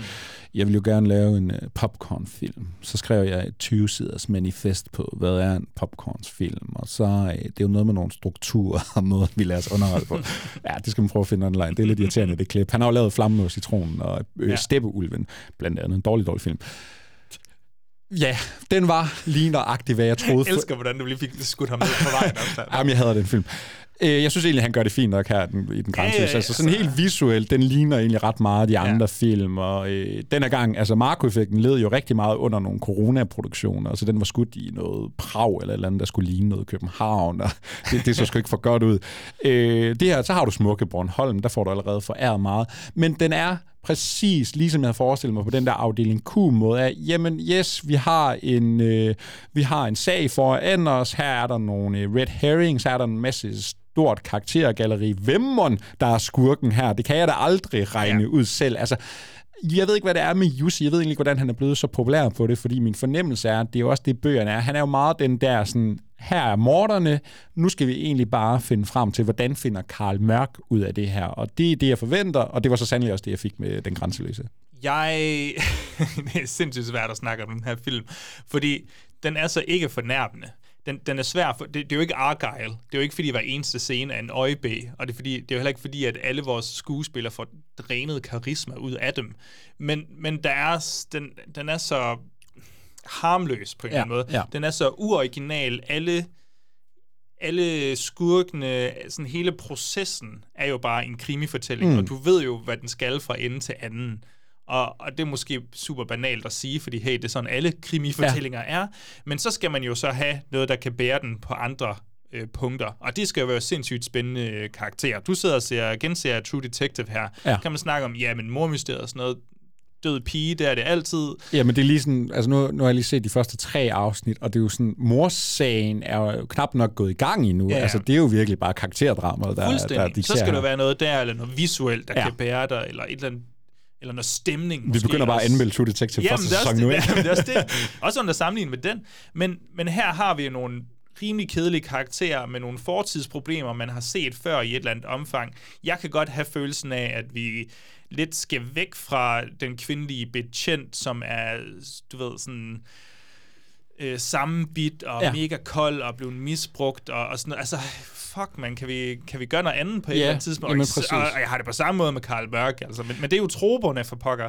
Men det, jeg synes ikke skuespillet, lige meget hvor hårdt de egentlig prøver, og fordi dialogen måske heller ikke er super spændende i sig selv, så, så, så vi kommer ikke ud over de her stereotyper, eller de her... Nej, men og det er bare sådan, det er bare sådan arketyper the movie. Ja. Altså, fordi alle er bare lige, hvad du forventer, de er. Alle har de traumer, du forventer, de har. Alle har de der, altså alt er lige nøjagtigt, som du forventer, at de er. Og så bliver jeg jo også pisseirriteret. Jeg synes jo klart, det Nikolaj Likos og Fars Fars, klart, altså det bedste makkerpar. Okay. Jeg forstår ikke, hvorfor Jussi ikke kunne lide det egentlig. Men det ved han nok bedre end jeg. Jeg synes, Ulrik Thomsen, jeg synes faktisk ikke, han er særlig... Han, Jeg synes jeg synes ikke, han han er er en særlig god. Er øh. Karl Mørk, og et af, hvad Hansen er i karakteren, men et, noget, der har været problemet i alle afdeling Q-film, det er, Karl Mørk er på mange måder den mest nytteløse detektiv i noget univers nogensinde. Ja. Jeg sidder Nej, nej, tiden fordi sådan, han får jo de der åbenbaringer en gang imellem. Jamen, jeg sidder bare altid med sådan en fornemmelse, at du er totalt, du er pisse sur og irriterende. Hvordan er der nogen, der kan holde ud og have en samtale med dig? Han er jo det ondeste menneske. Det er, er- jeg, tro, jeg troede seriøst, at han var kodet som værende måske Ja, på spektret, ja, eller i hvert fald det som er han socialt ikke, så vidt jeg ved. Altså, han, han er jo ude af stand til at kommunikere med andre mennesker, men til gengæld er han det, det kan godt være, at jeg bare sidder og siger, hvem karakteren er lige nu, men, men til gengæld så er han det sådan mest ultra-empatiske menneske i den forstand, at han kan forestille sig, han kan forestille sig et helt forbrydelsesscenarie Ja. op i sit hoved, og så løse mysteriet. Men han kan ikke finde ud af at sige til en anden person, er du okay? Eller sådan, altså, Nej, og så bliver det så dansk på den der måde, hvor det sådan mumler lidt sig sådan bliver, Ja, det bliver det, Ulrik Thomsen, der sidder og mumler, så siger din han... far ting. Hvordan Ja, for- med din far ting? For fanden altså, for helvede altså, for helvede, for fanden altså. Okay, jeg har et andet spørgsmål. Er, er, er Assad med i de andre film? Det er sygt, så lidt han dukker op i den her. For jeg forstår ikke, hvor... Altså, jeg troede, de, han var sådan partneren. Prøv Jeg at forestille dig, at de har recastet ham. Jeg ved ikke, hvorfor de... uh, Saki Youssef, han var med i Marco-effekten. Nu har de fundet en ny Nå, men skuespiller. kunne de ikke bare have lavet omridset af Assad-karakteren, og så CGI'et ham ind i hver eneste... Det er jo ikke fordi, at det Assad er en karakter i den her film. Af- Afshin Firuzi, som jeg kan se, han hedder her. Det han udtaler har jeg jo nok et perfekt forkert. ansigt. Altså, Han synes, ser pisse sej han ud. cool og jeg sad med sådan en følelse, at du kunne sagtens blive den bedste fars fars. øh, Eller nej. den, fe- den, der er ikke nogen, der er bedre end fars fars. Du kunne sagtens blive den bedste Assad, vi har haft, men det kræver så, at du får lov til at være der, ja. Assad, fordi du har tre replikker i den her film. Jeg aner ikke, hvorfor, hvad du laver på Bornholm. Du har intet er at lave, fordi det her, det er jo så meget Det er, den, det mere... er den største forbrydelse i den her film. Præcis, og, og det er så meget Karl Mørks film, og det er jo endnu mere Ruses film. Jeg synes, Sofie Torp, jeg synes, hun er skidegod i den her film. Hun har en øh, gang i en god karriere. Altså, hun er en, vi ser til. Nu har hun været i Synkefri, Hygge, Meter i sekundet, tror jeg, at den hed. Øh, jeg synes godt altid, hun er fed at se på. Jeg kan mega Hun er godt, helt fin. Hun er helt fin. jeg kan godt lide hende i den her film, og hun har noget ben i næsen, og, og hun ser sgu sej ud og sådan noget. Det bliver så bare de der klichéer, ikke? Men så det, som afdeling Q jo også altid har haft, det er skurkegalleriet. Altså, den har jo aldrig været bleg for, at vi får lov til at øh, følge skurkene. Og når du siger kult til mig, så er jeg jo sådan en freak, der nærmest har en letterbox-liste, der hedder Best Cult Movies. Altså, jeg elsker jo Nå, men kult. der tænker du jo kultfilm. Nej, jeg, ja, nej, jeg tænker kult i film. Har du, bedste, har du bedste kult-kultfilm? Bedste cult, cult musik. Ja, det burde jeg lave. Nå, men jeg, jeg synes jo kult, altså kult, sådan nogle cult societies, ikke, øh, som jo altid er fucked up, og ja. øh, der er en eller anden messias-type, der tror, han, han har regnet det hele ud. Det synes jeg altid er fedt på film. Altså, hvis du har en kult i din film, så er jeg der. Så det havde jeg jo også glædet mig til med den her film, og vi skal, øh, har jo Joachim Fjeldstrup, også en sådan ung skuespiller, der virkelig har skabt en karriere her de sidste par år. Så har vi selvfølgelig det svenske påhæng, så yes, vi kan få yes. nogle øh, skattekroner ind der. Hedda Stjernstedt. Ligner en ung Olivia Colman, kan jeg så Det sagde Cindy også, øh, min kæreste. helt Det var sindssygt. spot on. Jeg synes, de to... Altså for mig er det dem, der sådan lidt går hen og bliver stjernerne i den her film. Altså det er utroligt, hvor meget ansvar de får som Ja. ja. de her solguder, der skal bære det. Men igen, igen, igen, det hele er båret op på klichéer og arketyper. Vi bliver aldrig sådan rigtig indsuget i det her Der univers. er der også en anden skurk, som også lige dukker op. Er det Søren Mallings banan, du snakker om? Eller? Søren Malling. Helvede, han ser fed. Er det ikke Rasmus... Øh...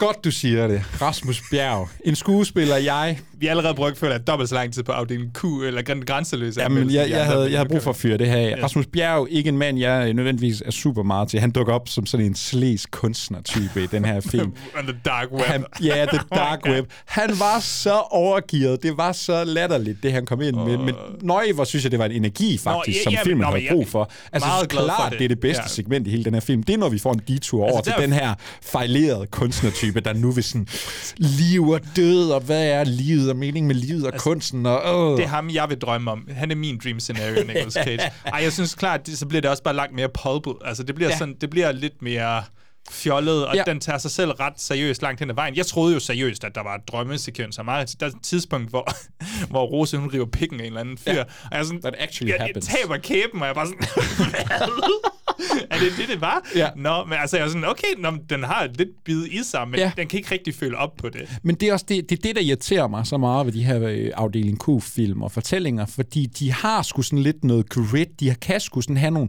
ubehagelige tematikker, ikke? Altså afdel, nej, øh, Journal 64, så kommer vi ud på den der ø, hvor de er torturerede kvinder og sådan noget, mm. og der bliver det kraftigt nærmest Cronenberg på et tidspunkt, og flaskepost fra P, der arbejder med, de finder sådan nogle tre skeletter inde i øh, væggen, og hvad sker der her? Altså, og det er faktisk også noget kultagtigt. Det, det var derfor, det var Ja, min favorit, ja. ikke?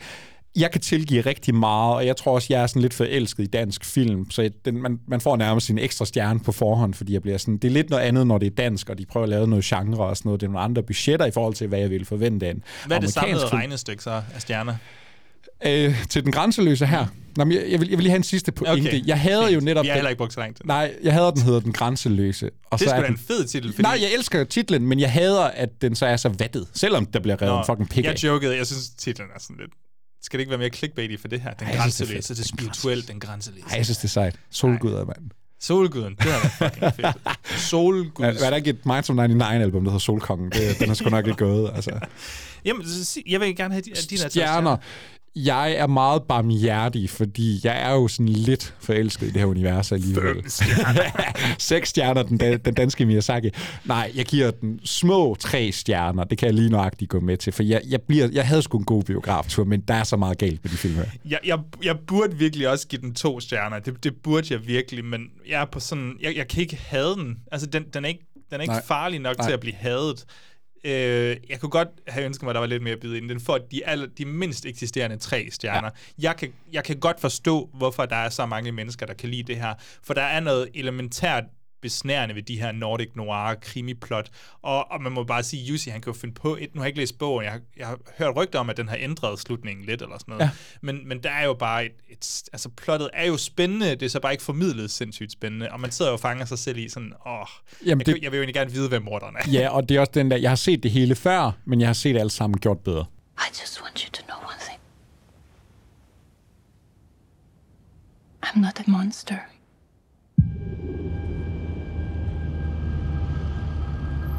I need you to be precise. Tell me everything. Yes. I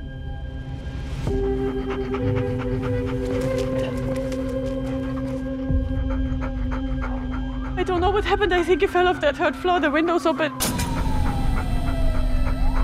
The autopsy report is inconclusive. An accidental fall is going to be hard for us to defend. That's why there's an investigation for a more suspicious death. Because you were the only person there. And of course, you're his wife. Stop. I did not kill him. Man vil jo gerne finde ud af, hvem morderen er, sluttede vi forrige anmeldelse af med at sige. Og det har man jo også lidt følelsen af i Anatomy of a Fall her. Den handler jo bare, det er jo et langt retssalsdrama fra Frankrig, hvor vi skal finde ud af, jamen, er hun morderen? Hvem er morderen? Who did the killing? ja. ja, altså helt enkelt. Hvad handler den her film om? Så handler det om, øh, vi har et ægtepar og deres blinde søn og hans meget, meget søde øh, border collie. Ja. Men han dør. Der har været lidt anstrengt stemning i huset, men øh, han ligger pludselig død ude foran huset. Og så er der øh, tre scenarier. Et, har han begået selvmord? To, er han faldet ned af den her øh, øh, balkon, eller hvad, sådan noget, hvad hedder sådan noget, terrassebalkon, yeah. ved et uheld. Tre, har hans kone Sandra slået ham ihjel. Ja, det er cirka der, vi er. Og den er jo så skabt af franske filmskaber Justine Trier, vist skrevet sammen med hendes øh, mand, hvis navn jeg ikke kan huske. I Arthur Har- Harari. Hun, jeg synes, hun har udtalt, at det bliver sidste film, de skriver sammen. jeg, ved, jeg, ved, jeg ved ikke, om det er en joke, fordi hun virker også lidt som en spøgfuld, men men jeg synes, det er ret, jeg synes, det er ret sjovt, hvis det her er sidste film, de skriver sammen. Fordi nu, ja. det er jo et retssalsdrama, men det er jo egentlig Altså Anatomy of a Marriage, yeah. mere end det Anatomy of a Marriage Fall. Story. Marriage Story, men i Frankrig i den værste retssal, jeg nogensinde har været inde i.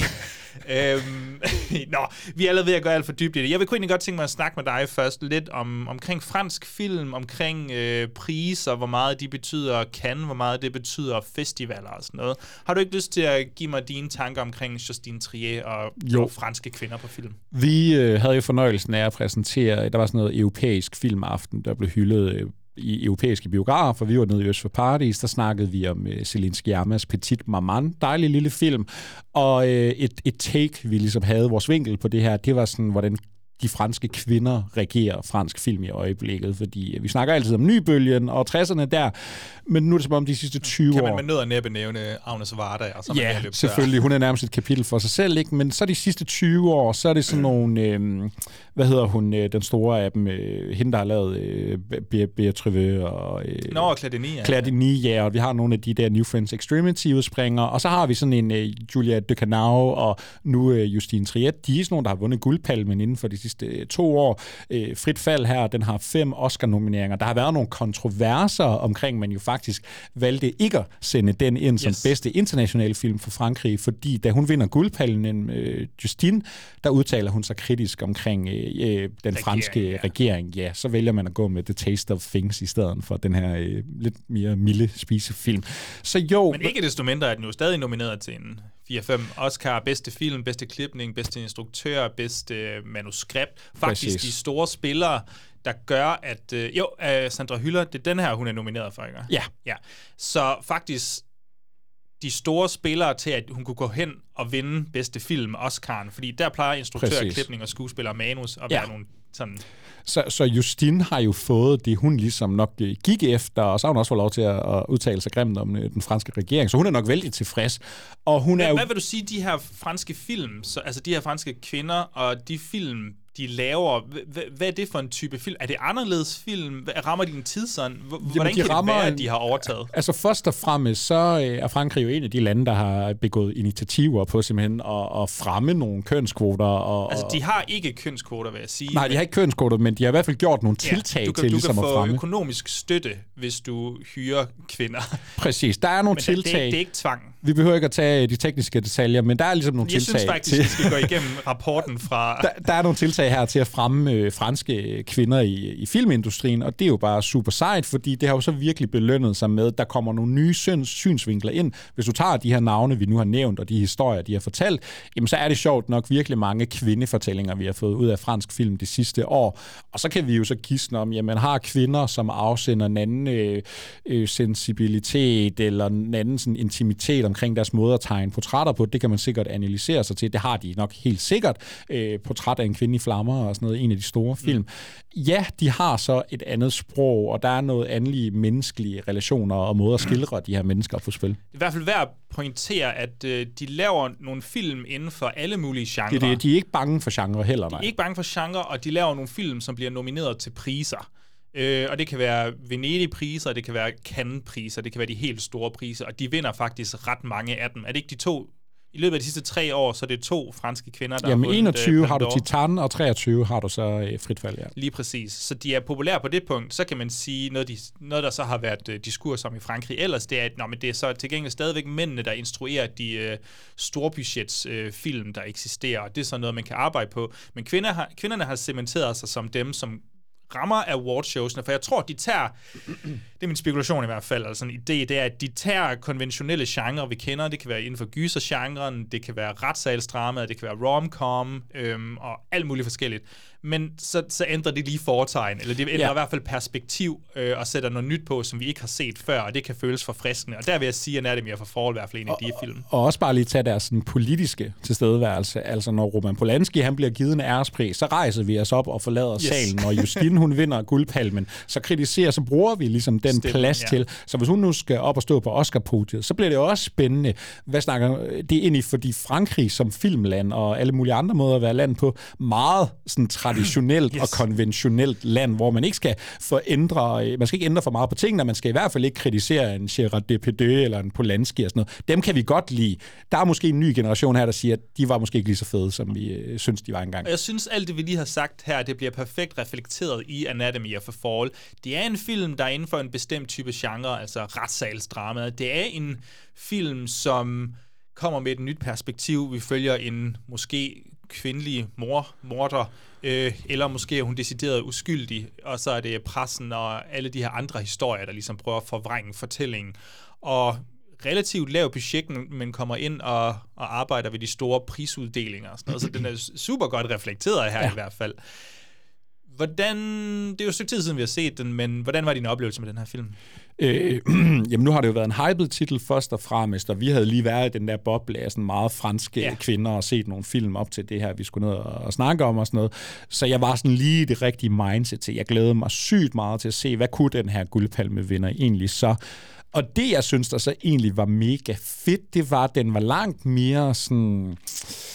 Ja, pulpy er det ordet måske, men altså vi begynder... Ja, hvad mener vi med det? Altså Vi- vi kigger hen- mainstream i, i mormysteriet måske? Jamen, og den ligger jo lige i ånden af alle de her true crime-fortællinger og sådan noget, så på den der sådan lidt sensationelle måde, mm. så rammer den mange af de der beats, vi godt kan lide i de her øh, morfortællinger, og vi kigger hinanden i øjnene, øjnene på et tidspunkt, da vi ser den, ikke sådan, fuck, det er sgu da basic instinct, vi sidder og ser, ikke? Så på den måde, så bliver den sådan lidt, lidt genre-fixeret, og de der retssalsdramaer, vi kender, ikke? Altså Anatomy of a Murder og, og, og, og alt muligt, den, den type genre, ikke? Så der var sådan meget genkendelighed, meget mere genkendelighed over den, end jeg nok havde regnet med. Det synes jeg var mega fedt. det, jeg synes, det er mega fedt, fordi den har potentiale til at blive en stor film. Eller, det, det gør den nok ikke, kunne jeg forestille mig, men den har potentiale til det, fordi den er sindssygt underholdende hele vejen igennem. Jeg synes, det er et fænomenalt manuskript, der, der sætter kløerne i dig, og så leder den der alle mulige forskellige veje. Fordi der, der, du kan have dine øh, forudindtaget sådan, anelser omkring, hvem der kunne have gjort det her, eller hvad der ligesom er årsagen til, til, til mordet eller drabet. Men den lærer dig ikke være sikker på det. Det er jo ikke en film, der nødvendigvis interesserer som super meget for sådan øh, skyld og uskyld. Altså, det er jo meget op til fortolkning. Det er mere om vi altså vores forståelse af skyld og uskyld. Præcis, og det handler om, hvad putter du i det her, og hvad kan du overhovedet sådan adskille bevismaterialer eller mangel på samme fra personlige følelser og øh, historien, fordi vi tror jo, sådan som vi bliver præsenteret for det i starten, jamen, der er måske et forhold her, de var ved at glide lidt fra hinanden, og det så sgu heller ikke for godt ud. Men så åbner bagagerummet sig jo op med forhistorien, og jo mere og mere vi lærer de her mennesker at kende, jamen, jo mere kompleks øh, begynder det. Og noget vi jo heller ikke fik nævnt, ja, har han begået selvmord? Var det et uheld? Eller har Sandra, konen, slået ham ihjel? For hun skal bevise sin uskyld, så er der jo også det her med, at de bor meget afsides ude på sådan en snitop. Det eneste vidne, hun har at begå sig på, det er hendes egen blinde søn og hans hund, som er en af de dygtigste og dejligste hunde, der nogensinde har været skildret på film. Men det er bare for at sige, i og med, at det er sønnen, der er det eneste vidne, så skal han jo også pludselig, ham her sønnen, han spiller skide godt, så skal han jo pludselig stille, tage stilling til, altså, der er jo noget bias i, ikke? Altså, han savner sin far, han elsker sin far og mor, der er også Jamen, nogle... Han er, han er decideret med i retssalen. Han er med i Altså, retssalen, han- og han skal høre på advokater og anklager, der står og siger, at din mor er en morder, ikke? og det skal han jo også tage stilling Den franske til. retssal er jo den mest kaotiske, jeg nogensinde har været vidne til. Det er øh, de, øh, bogklub Jamen, og det, det ene er fantastisk. Det er jo epicentret for drama, fordi hvis der er en person, der kommer til at sige noget på et tidspunkt, så er det som om, de åbner sig op for spørgsmål. Så der er nogle gange, hvor hun hedder Sandra, altså Ja. ja. Sandra Hyllers karakter hedder også Sandra. Endnu et element af, at vi prøver at blande virkelighed Ja. ja. med fiktion her, som filmen også handler om. Men så åbner de sig ligesom op for at kunne blive stillet spørgsmål, mens ja. de egentlig, der står et vidne og bliver afhørt nærmest. Det er så underlig en Elsker størrelse. Det. det. det er mega fedt, og det er mega kaotisk, og det er også det, der, det giver det bare den der sådan fremdriftseffekt. Altså, det skulle ikke... Hvis du tror, retssalsfilm, det er sådan nogle... Øh, øh, ja, nu skal jeg ikke nævne nogle titler og pisse nogle Nej, jeg af, lige men... passe på. Jeg sidder her ja, også som, præcis. øh, Men hvis du tror, retssagsfilm, det er sådan noget, hvor vi bare sådan står og snakker lidt, og Ja. A til B. Altså, det er, det er jo net, det, er det, jeg mener. Det er sådan en pulpy retssagsdrama, vi har med at gøre her. den, den har jo en af de mest intense scener øh, fra i år, kan jeg så sige, men måske også sidste år. Ja. Altså, der, der er sådan en, en, en, et skænderi, der bliver formidlet, formidlet i løbet af den her film. Og, og det, det er jo så bare personer, der snakker, eller nærmere råber i hinanden, og det føles jo som 20 minutter. Jeg ved reelt set ikke, hvor lang tid det Nej, er i selve filmen. Men det er bare, vi får... Altså, vi får alt der. Vi får alt, hvad filmen handler om. Den Jamen, handler om ægteskab, præcis. den handler om kønsdynamikker, den handler om forventninger til hinanden, forventninger fra samfundet, det at være mor, det at være far, det at være kunstner.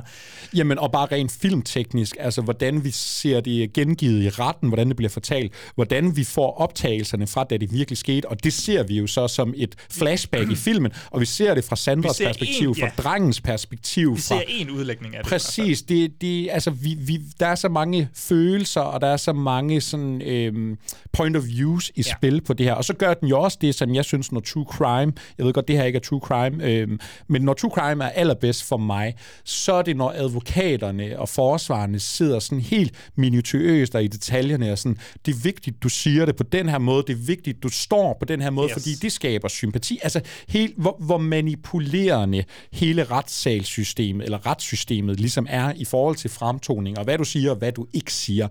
Det gør den her fænomenalt godt, og jeg elsker det. Jeg tror, at det her er en af de film, hvor, øhm, hvor hvad, hvad, hvad, hvad du tror, den ligesom ender med, eller hvad konklusionen bliver, det siger meget om dig som menneske. Og, og sådan, alle de diskussioner, de har, det her ægtepar, afhæ- jeg tror, det er rigtig spændende at kigge på. Det er sådan en, der får en lyst til at kigge indad. Sådan, Jamen, den Hvor står dig. jeg i Præcis. den her situation? Tror jeg, at hun har gjort det her med vilje? Tror jeg, at han er dårlig på det her punkt? Altså, der det er, jo så det, det, mange er jo det, der er genistregen, ikke? Den tvinger dig til at tage moral stilling til, hvem er du selv, måske i det her forhold, ikke? Hvem er det egentlig, du tror på? Hvorfor er det lige pludselig, du nu tror mere på den anden ja. og sådan noget, ikke? Det er jo der, hvor true crime eller de krimifortællinger generelt ikke fungerer øh, aller, aller bedst. Det kunne den grænseløse Og måske det er der, hvor jeg synes, den amerikanske titel i hvert fald er, er super god, fordi det, det er jo anatomy. Det er jo nærmest sådan helt kirurgisk en, et dykke ned i anatomien på det her Jamen, det er jo øh, mor, eller præcis, drab, eller en, hvad en det rekonstruktion af virkeligheden, Det er ikke? det. og det er jo altid sindssygt spændende.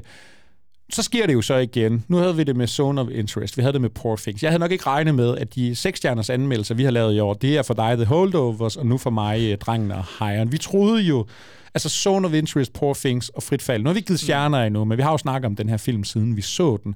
Vi går jo ikke derfra, Joachim, begge to og siger, mesterværket, Nej. den var der. Men jeg har tænkt, ikke tænkt på den sindssygt yeah. meget, siden vi så den. Og jeg, jeg kan ikke helt... Jeg skal se den en gang til, Ja. før jeg ligesom kan vurdere det fulde, fordi man er så overrumplet af selve oplevelsen at se den her film. Og den, den kan være utilfredsstillende på nogle Ja, punkter, og tilfredsstillende på andre punkter. Og jeg tror simpelthen, der er nogle nuancer, jeg ikke har fanget i første omgang. Jeg- jeg, jeg tror, det er derfor, jeg ender på de fem, stjer- Ja. fem flotte, store stjerner, igen med mulighed for, at det kan stige, fordi altså, jeg elsker den her type film, og jeg tror, den er klogere, end jeg lige kunne kapere første gang. Præcis, jeg synes, det er fantastisk, og det er også, vi har begge to spillet på den som bedste originale manuskript til Oscar, ikke? Det er så vildt, hvad de ligesom har sammensat her, for det er en kompleks film, det er komplekse mennesker, det er en kompleks morsag, altså der er så mange detaljer i det her, så det er også meget overrumplende, og så kan man måske godt gå lidt utilfredsstillet derfra, fordi du ikke sådan fik svar på det hele. Sådan er det jo bare ofte med de her øh, krimisager. Ikke? Så jeg giver den også store fem stjerner, men jeg glæder mig enormt meget til gensynet, og jeg bliver overrasket, hvis vi sidder her, når året slutter, og frit fald ikke eksisterer i vores bevidsthed.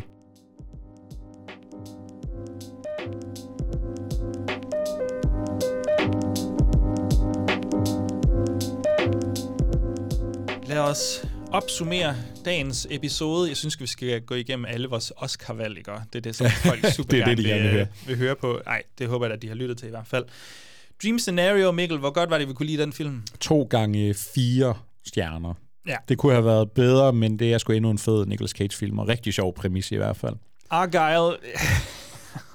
du er inde på en stjerne, kan du Jeg fik lov til at rande. Jeg havde stadigvæk den film. Jeg kunne ikke give den mere end øh, en stjerne. Jeg gav den også en stjerne, men to stjerner. Jeg gav den dernede. Du tager ikke, you coward. Jeg gav den dernede, hvor det ikke helt betyder noget. Jeg Nej. synes ikke, man skal spille sin tid på den her film, og den kommer jo på Apple på et eller andet tidspunkt, og der behøver I heller ikke spille jeres tid. Bare, så I ikke, bare fordi I har streamingtjenesten, så behøver I ikke at se den her film.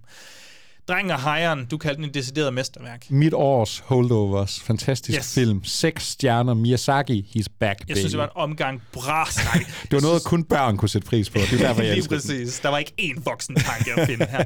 En af de uh, visuelt smukkeste film, jeg har set i lang tid. Jeg kommer til at tænke på på de der brand, ildebrændsscener ja. i lang tid, tror jeg. Jeg synes simpelthen fantastisk. Masters of the Air. Du gav en fire stjerner, det ved jeg ikke, om du fik sagt. Ja, lige præcis. Fire stjerner til Masters of the Air og Dreng og Hejren.